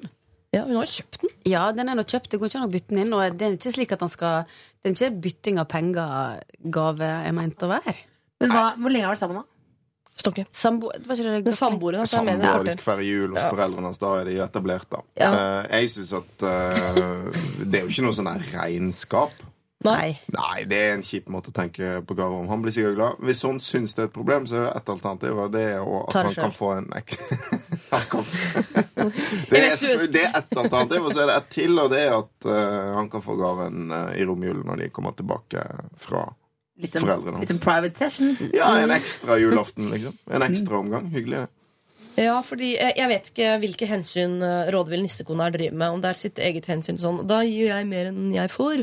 Det hensynet det må du legge bort. Fordi hvis du har kjøpt gave med tanke på at du skal få tilbake, så kan du drite i det. Eh, men det andre hensynet er til han. Om han er sånn som syns det er flaut å åpne opp en sånn Å ja, og så fikk jeg disse også, ja. Men det har ikke jeg kjøpt At det blir kleint for han, i hvert fall overfor hans familie. Men det er jo ikke Nei. Det er jo ikke første møte på der. Det er jo sånn liksom at Det ja, men, men, men, men, sånn for det, men det vet ikke alle at det gavene handler jo mest Det er så innmari gøy å gi bort gaver. Pakkinggaver og liksom gi bort at det handler ja, det tror jeg er lokalt, uh, Else. Det er ikke, jeg tror veldig mange hjem så er det ikke det det handler om. Oh. Der er det mer sånn eh, ned på krona. Hva skal du gi til Ja. meg, da gir jeg det til deg, osv. Jeg tror det, altså. Ja, Hva gir du til uh, lokføreren? Gir du, du Går du i minus? Du, vi er øh, Vanligvis så mener jeg at man skal både gi og få noe man ikke trenger. Altså noe sånn vås er samme for meg. liksom. Og jeg Ja. også er litt på den så det er gøy å kjøpe og pakke inn og sånn. Ja. ja. Men i år eh, så er vi så i økonomisk minus, eh, luksusfelle eh, gone wild. Mm. Så i år skal vi kjøpe noe praktisk til huset fra oss begge. Sånn er fra meg. Ja, Og det har hater sånn- jeg egentlig, men det blir det i år. Blender eller et eller annet sånt? Ah, jeg tror det blir puff. Puff? Puff, ja. Å sitte på? En puff. Det er det man gjør hvis man er i eh, økonomiske vanskeligheter. Så kjøper man seg en puff. Vi må ha en puff. Vi må ha en puff. Mm. Eh, men nok om Nei, seriøst. Puff. Nei, hvor gammel er du blitt? Sånn, Puff, jeg må puff, ha puff. Jeg må ha en puff. puff. Er, er det det praktiske til huset som du kjøper fordi du er i luksusfelleproblem? Vi trenger noe å sitte på i gangen når vi tar av og på støvler. Ja. Hva får du av han, da? Han får, en, nei, han får en halv puff av meg, jeg får eh, en halv puff av han. Ja, men Til sammen blir det en Å hel ja, puff. det er sånn, Men ja. Så det er fra begge til begge. Ja. Dere har kjøpt den allerede? Nei, vi skal ut og titte litt. Nei, Seriøst? Dere går gå rundt og ser etter puff? Vi skal titte litt på puff. Hvor gjør du se med puffen, da? Nei, jeg har noen butikker vi liker godt, da. Vi, jeg sier, snakker alltid vi, jeg mener Ja. jeg. Eh, men hold opp, da. Ja, Ikke okay. plag meg med det greiene. er- Alle Eh, må ha puff. Rådvill nissekone har kjøpt den til 2000. Kanskje Ja. en puff. Det kommer litt an på hva det er for noe, da. Eh, tenker jeg. Hvorfor det? Jo, fordi at hvis det, liksom, hvis det er liksom noe han elsker, så vil det vel alltid være bra, liksom. Men, men altså, foreldrene hans, hva tenker de om at hun gir han en fin gave? De tenker For 'for en flott flott svigerdatter ja. vi har fått'. Ja. Hvor Kjør kommer på. den tanken fra liksom, at, det er for at hun, noen skulle tro at det er for at hun skulle vise seg? på en måte? Hvor kommer det fra? Og mange familier har en sånn onkel Odd som eh, jobber i Nordsjøen, da, som alltid har med seg et sånn Alle har gitt hverandre en marsipangris og noen sokker, så kommer han med et sånn Ja, så kjøpte jeg dette stereoanlegget i tillegg. Så kommer han inn og skal være sånn flottesen-fyr. Den Det er ikke jeg, men det er veldig fantastisk, da. Ja, men man kan bli litt kvalm av det, tenker jeg. Han er redd for å bli onkel Odd, da. Ja, men uansett, jeg syns ikke at en gave til 2000 er helt sånn utafor budsjett. eller det det, da? For, Hvor mye gir du til kjæresten din? Nei, jeg har ikke kjøpt den, da. Nei. Men uh, altså, jeg føler ikke at 2000 er en sånn Flåttenfeier-pris. Er det det? er til- det er- i tillegg. Er det i men, til, eh, å, er det i tillegg? Ja, de har I kjøpt tillegg gaver. til, til tillegg har de kjøpt til jeg kjøpt- 2000. Ja, men er ikke det bare Fint, da. Gi, gi gaven. Det kommer til å bli suksess, tror jeg. Ja, helt enig. Ja, for det er for seint å får du bytte den? Ja, ja, kan hende hun kan kjøpe nok til seg sjøl, som sagt. Nå kommer vi til å få inn noen sånn mail fra en sånn veldedig sånn, sånn Gi til noen andre enn deg selv-aktig. For dette her også eh, Dette er et veldig sånn Veldig lokalt problem. Kan jeg gi en ekstra gave til mannen min? Svar, Du har ja. mann, du har Ja. to gaver. What's the problem, pussycat? Holdt jeg på å si. Men bare for at vi skal virke mer humane, da, er det noen andre steder man kan gi gaver nå i romjulen? Eh, Audun, der tipper jeg du sitter på en del uh, fakta. Altså, Det er jo veldig mange steder du kan gi gaver. Ja. Eh, Bare rams opp noen, sånn at vi virker eh, mer humane. Eh, Du kan gi til Norsk eh, Folkehjelp, eksempel. Du Ja. kan kjøpe noen meter minefri vei. Mm. Eh, I tillegg til å gi gave til mannen din. Eller eh, Men ikke istedenfor, syns jeg. Jeg syns det er hyggelig at folk gir eh, gaver til hverandre. Ja, geit kan du kjøpe. Mm. Men, eh, men du kan også gi en gave til mannen din. Jeg ga geit i konfgave til kusina mi. ja. Nei, det er ikke lov. Superhappy for det. Det Altså. Du, du må ha puff, men du gir geit til kusina di. Hun fikk geit. Jeg syns jeg ante at hun var litt sånn aktig. Hun gikk med Hva sa hun da? Ble hun glad? Hun skjønte ikke hva det var for noe. Nei. Men det er veldig fint, da. Da er det en fattig familie som får en geit. Ja, Jeg synes det var veldig fint. Hun syntes ikke det var så fint. Hadde mer lyst på noe brevpapir og et pennesett og noe greier. Ikke vet jeg. Uansett, unnskyld, unnskyld for det, da. Eh, kjære rådvill nissekone, gi den gaven, da. om Hvis du er, tenker at han syns det er kleint overfor familien. og sånn Vi vet jo hvordan familien hans er. Kanskje de har en onkel Odd som de er drittlei av allerede. Så kan du gi den i romjulen som en ekstra gave. Men intensjonen må være at du bare har lyst til å gi noe ekstra til han. Ikke et håp om at du kanskje får noe ekstra tilbake. For det aner meg at du antageligvis ikke gjør det. P3. Envy, altså. Det der var uh, One Song. Og eh, jeg tenkte å spørre dere, kjære rådgivere. Dette virker kanskje litt sånn pompøst, men vi har snakket om jula, ikke sant? Det har dere fått med dere alle sammen. Um, eh, nyttårsaften, hva betyr det? Hva gjør dere på nyttårsaften? Er det en viktig dag? Hvem feirer man den med, og så videre? Eh, Tenker du i år? Eller? Ja. I år så skal jeg i bryllup, faktisk. På nyttårsaften? På sjølveste nyttårsaften. Hvem er det som gifter seg? Søstera mi. Så koselig. ja. Er det hun som driver den Nei, det er ikke hun. Vi er mange søstre. Hvor mange? Vi er fire, eller fem barn. En gutt og fire jenter? Ja. Herregud, så koselig. Mm. Hun skal gifte seg på nyttårsaften også. Mm, det er den dagen, sånn liksom pompøst, men fint. Ja. Det er ikke noe tvil om hvordan du skal feire den dagen der. Da vet jeg det. Men det er ikke representativt for hvordan du Nei, tenker at man skal feire nyttårsaften. I fjor så feira jeg den mutters aleine og la meg klokka elleve. Hvorfor det? holdt jeg på å si? Hva- Nei, Jeg husker egentlig ikke grunnen, men jeg bare husker jeg tenkte 1. januar skal ikke skal starte et nytt og friskt liv klokka 12.00. Legg meg nå. Klokka tolv? Det er jo midt på dagen! Nei, altså, nei, klokka 24.00. Unnskyld. Jeg legger meg elleve, og jeg skal sove et halvt døgn. Du er rå type, ass. Men du er sånn som kan sove til fire på Vestland, føler jeg. Å, det er mange år siden jeg gjorde. Er du det? Men Ja. du er sånn kosebukse og sånn. Ja, det er jeg. I du. kosebukse. Ja. Men hadde ikke datteren din levde da vitterlig på nyttårsaften i fjor? ja, det gjorde hun, men hun Å, ja. la nå seg før klokka 11. Ja, ja, ja. Eller du var ikke 23, da. Unnskyld, ja, for å bruke de termene. Hva du sa du nå? Hun- Du var ikke mutters alene, hun har ikke begynt å feire nyttårsaften med vennene sine og sånn. Ja, okay. ja. ja. Men, men er ikke nyttårsaften eh, så er jeg glad for, så for folk med små barn, så er jo ikke nyttårsaften vill festing Nei, uansett. ikke Men, men, eh, men jeg syns å huske at nyttårsaften veldig ofte er det største antiklimakset i året. Det er liksom den dagen alle tror de skal på. Håper i hvert fall de skal på liksom, Party. den kuleste festen. Og så er det aldri det som, som skjer. Men hva skal du i år, da? I år skal jeg hjem til Bergen og feire nyttår med min mor og Og meg. familie. Ja, og, og Else. Else Else og. Lars Vaular og en blind gjeng. Ja. Hva med deg, Else? Du har jo muligheten til å fortsette party like it's 99. Ja, ja. Det, den, den, jeg lever for helgene, egentlig. Jeg lever for ja, men Jeg er liksom Jeg er en animale. Ja, men jeg liksom eh, jeg, Nei, jeg, jeg veit ikke helt, jeg, faktisk. Men det er fordi det noen som har det som den ultimate festdagen. Jeg har 17. mai, noen har nyttårsaften. Hva er det liksom største festdagen i året? mai, 17. mai syns jeg vinner, da. For Ja. hvis du, og 17. mai, når du har barn, så har jo 17. mai en veldig sånn tydelig mening. Når du ikke har barn, så kan du ha en eh, hverdags- eller dagsalkoholfest. Ja.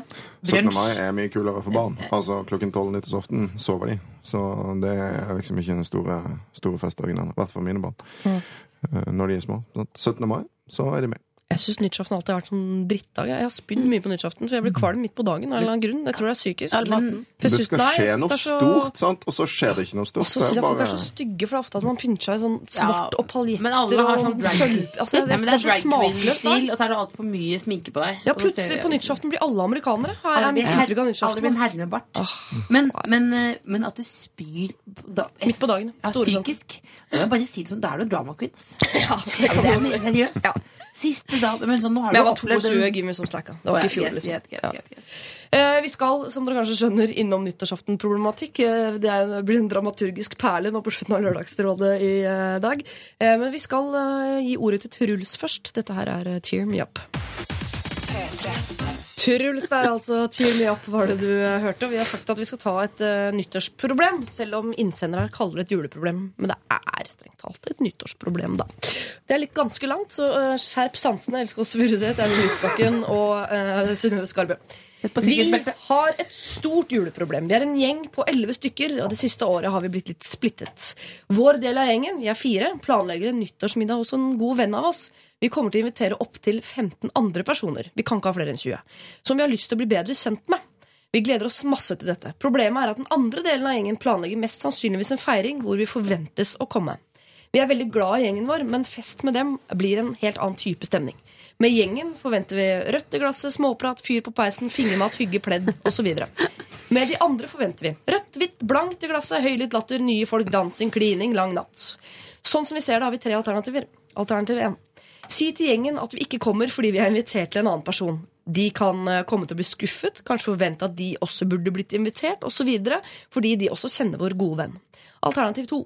Dra til våre andre venn, men også invitere de andre. Det innebærer å nedprioritere de andre som vi gjerne skulle ha sett at var der, og vil kanskje endre stemningen vi hadde håpet på, eh, men kanskje til det beste for fellesskapet. Alternativ 3. Droppe å dra til den planlagte nyttårsmiddagen vår, og dra til gjengen, da.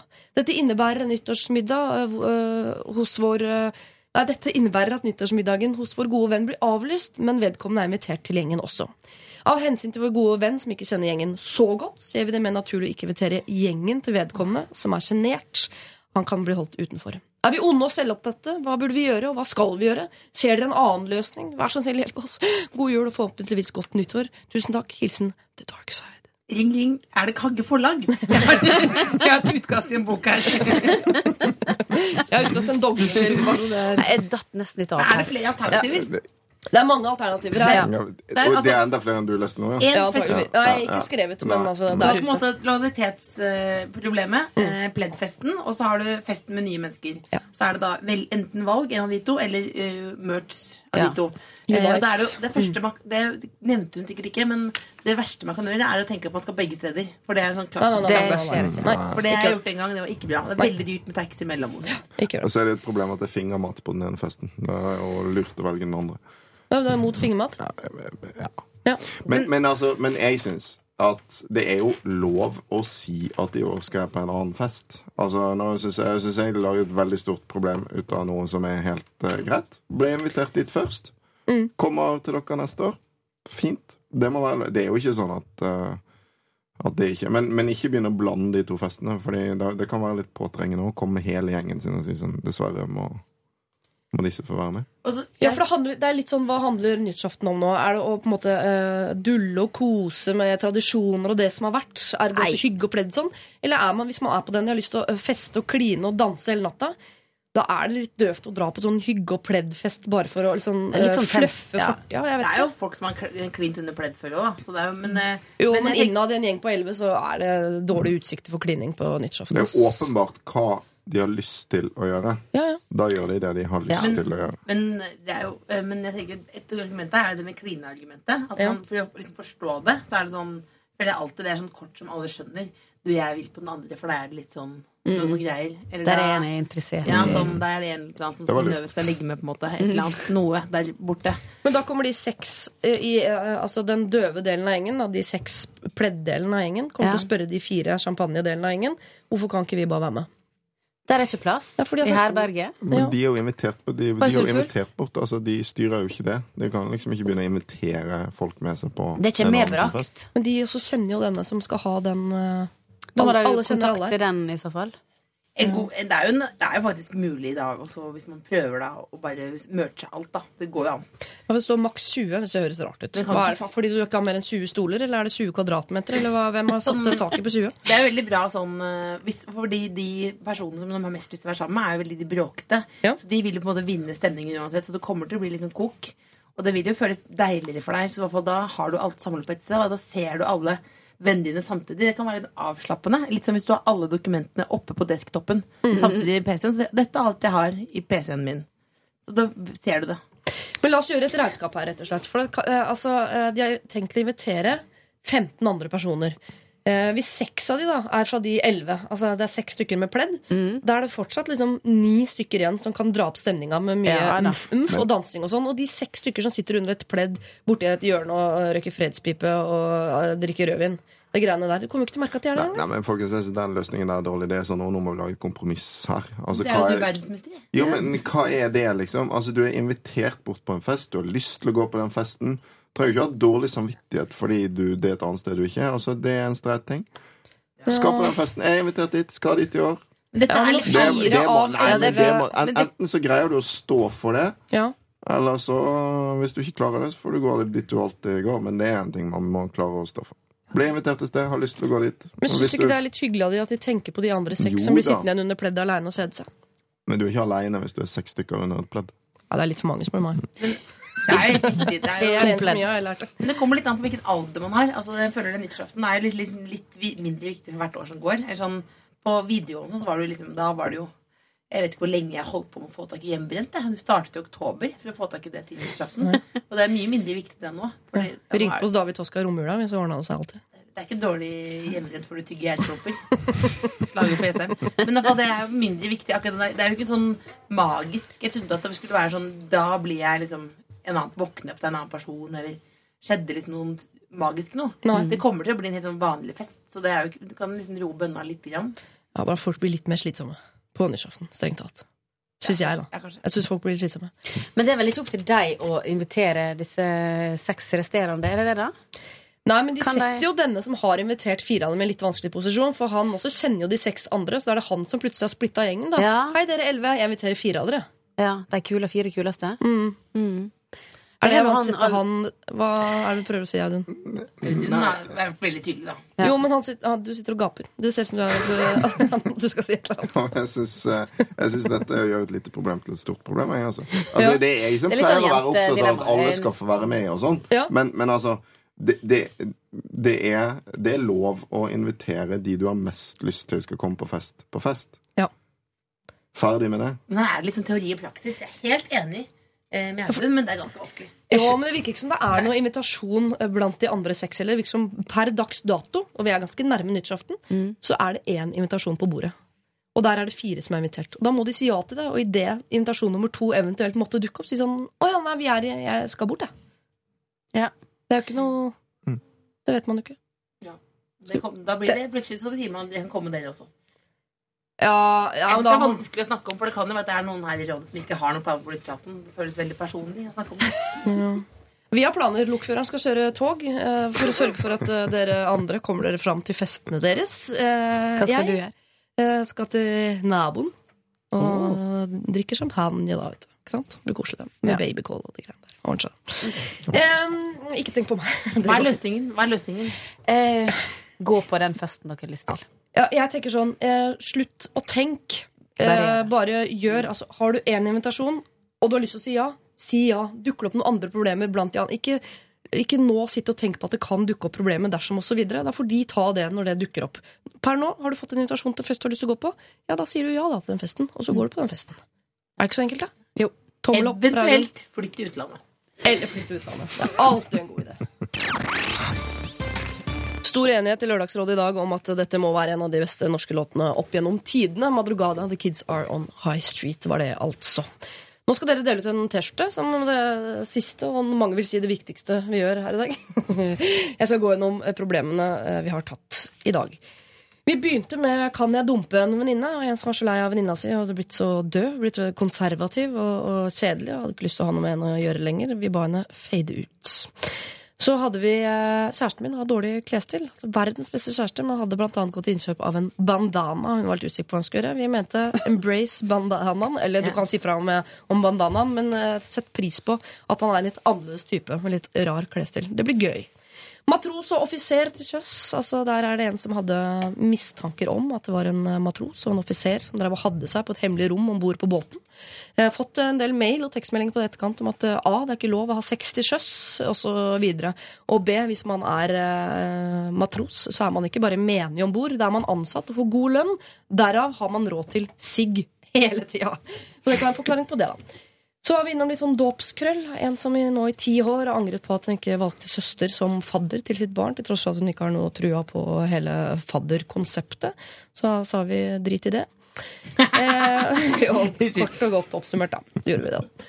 Og så hadde vi en eh, dame som var vannkresen. Altså mannen, eh, mannen syntes at hun hadde litt vel nevrotisk, for hun måtte ha plastfolie over eh, vannglasset med et sugerør nedi, for hun var så livredd for å få støv i vannet. Og enda verre hår! Da sa vi der, sett ned foten, sett et glass foran henne på bordet og krev at hun skal drikke det, for dette kan bare bli verre. Em, så hadde vi et eh, julekortproblem. Altså En jente som fikk julekort fra alle vennene sine og barna dem. Så lurte på må jeg sende tilbake eh, julekort. Forventer de det av meg? Eh, nei, det forventer de ikke. Men slutt å bli sur for at folk er hyggelige og tenker på deg. Eh, Ekstra julegave. Altså en eh, dame og en mann De har kjøpt julegave til hverandre. Hun har kjøpt en ekstra en til 2000 kroner, for hun visste at han ønsket seg det. Og er usikker på om liksom, kan jeg gi den, eller blir det flaut for han, osv. Kan ha vært en buttplug. Hvem vet. Eh, nyttårsaften, feiring av nyttårsaften med The Dark Side hadde vi her nå til slutt. Altså Skal vi ta hensyn til den gamle, litt kjedelige gjengen på nyttårsaften? Eller skal vi hoppe på et nytt tog med nye, morsomme folk, ukjente, som kan kline med hverandre og ha det gøy, sånn som vi vil på nyttårsaften? Ja, gjør det. Hopp På kort toget, ikke stå på perrongen. Nei, hopp på tog. Eh, ikke av. Mm, Hvem skal få T-skjorte, syns dere? Jeg, jeg syns det er to kandidater, egentlig. Det ene er øh, hun med han bandana-typen. Fordi der kan vi faktisk bidra til å løse problemet. Ja. Hvis vi sender T-skjorte til han. Ja. Men ikke for å være død døv mot P3, men en P3-T-skjorte. Er det det som åpner veldig Jeg tror det var premisset her, at vi ikke diskuterte det. på en måte at det var, men, men hvis vi åpner for den, så er det mulig at det ikke er noen god idé. Men da den, det jeg syns det jeg syns har vært det mest alvorlige problemet i dag, Ja. det er eh, hun med vannevrosen. Det kan gå skikkelig galt. Det er ikke bra å drikke vann gjennom plastfilm. Så jeg heier veldig på han typen som skal rydde opp i det. Han fortjener en skjorte. Jeg til å T-skjorte med 'det er ikke bra å drikke vann gjennom plastfilm'. Jeg har lyst til å på T-skjorte. Eller på en pinn som du er glad i, da. Absolutt. Hvem, eh, hva syns du, Synnøve? Jeg tenkte på bandanadama Mm. eller på han matrosen.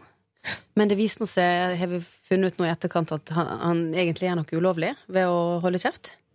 Ja, Eller? han, gjør, han, bør, han har meldeplikt, for det er Ja, ikke lov til å ha, ha verken stå eller ha stå i båten. Ja. Mener du at det ikke er lov men, men, men, sa, Hørte jeg riktig nå? Hva da? At det ikke er lov til å ha stå i båten? Tuller du nå? Det kan jo ikke det, Jeg vet ikke om det sexnekte inkluderer runking. Det aner jeg ikke. Nei, men, Jeg vet, kan ikke så mye om det. jeg tipper nei. Tipper nei. Tipper ikke inkluderer det. ja, men det er jo sånn som for eksempel David Beckham og sånn. Han har jo ofte sånn eh, sexfri før Har mye kamp. stå i båt. Nei, før kamp. Det er ja. kanskje litt sånn at man før eh, kamp så må du Skjønner hva jeg mener. Ja. Jo, det er sånn, en liten stund til vi skal ut i kamp, da. Sånn helt uh, reelt så er det vel det, Audun. Du, altså, Ja, Vi vet jo ikke helt hvor det det skipet er på. nei, men du rekker å kneppe opp buksa og slå på toppen. Sånn eh, daler ned i skjul sammen med englene osv. Men, eh, kanskje, men kanskje vi skal gå vekk fra T-skjorte til han, da? Matrosmannen. Ja. ja. Det er samme for meg. Altså, det er Nei, det- nei, nei, nei, nei, nei, gi det til hun derre Hva med den derre hun Hun søstera som, uh, søstera som Fadde. skulle blitt fadder. Ja. Hvorfor? Sier det til hun eller til søstera Som får for tort å si, liksom? For jeg skal få for, for lang og tro tjeneste. Ja. Ja. Dere må, det er nyheter klokka tolv Ja. blank, så må Nei, bli enige men innen det. det er, det er én som skal gjøre en viktig handling Ja. her. Og Tvangs. det er han som skal få hun til å begynne å drikke vann på en normal måte. Det er faktisk viktig, så det der ikke brer om seg. Jeg tør ikke å si noe imot uh, Audun Lysbakken. Nei, det på den måten der. For det er jo, handler jo om det, det er enig i det. Enig? Ja. Ja.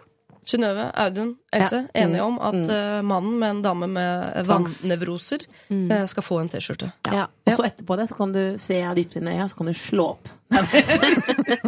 jeg bare tuller. Jeg bare tuller. Det må tas på alvor. Jeg synes dere unisont Nå skal jeg si eh, takk for at dere var rådgivere. Så skal dere på nedtelling for meg. 1, 2, 3, si eh, god jul inn i hver deres mikrofon. Er dere klare? Mhm. Tre, to, én. God jul! Feliz Navidad. Hør flere podkaster på nrk.no podkast.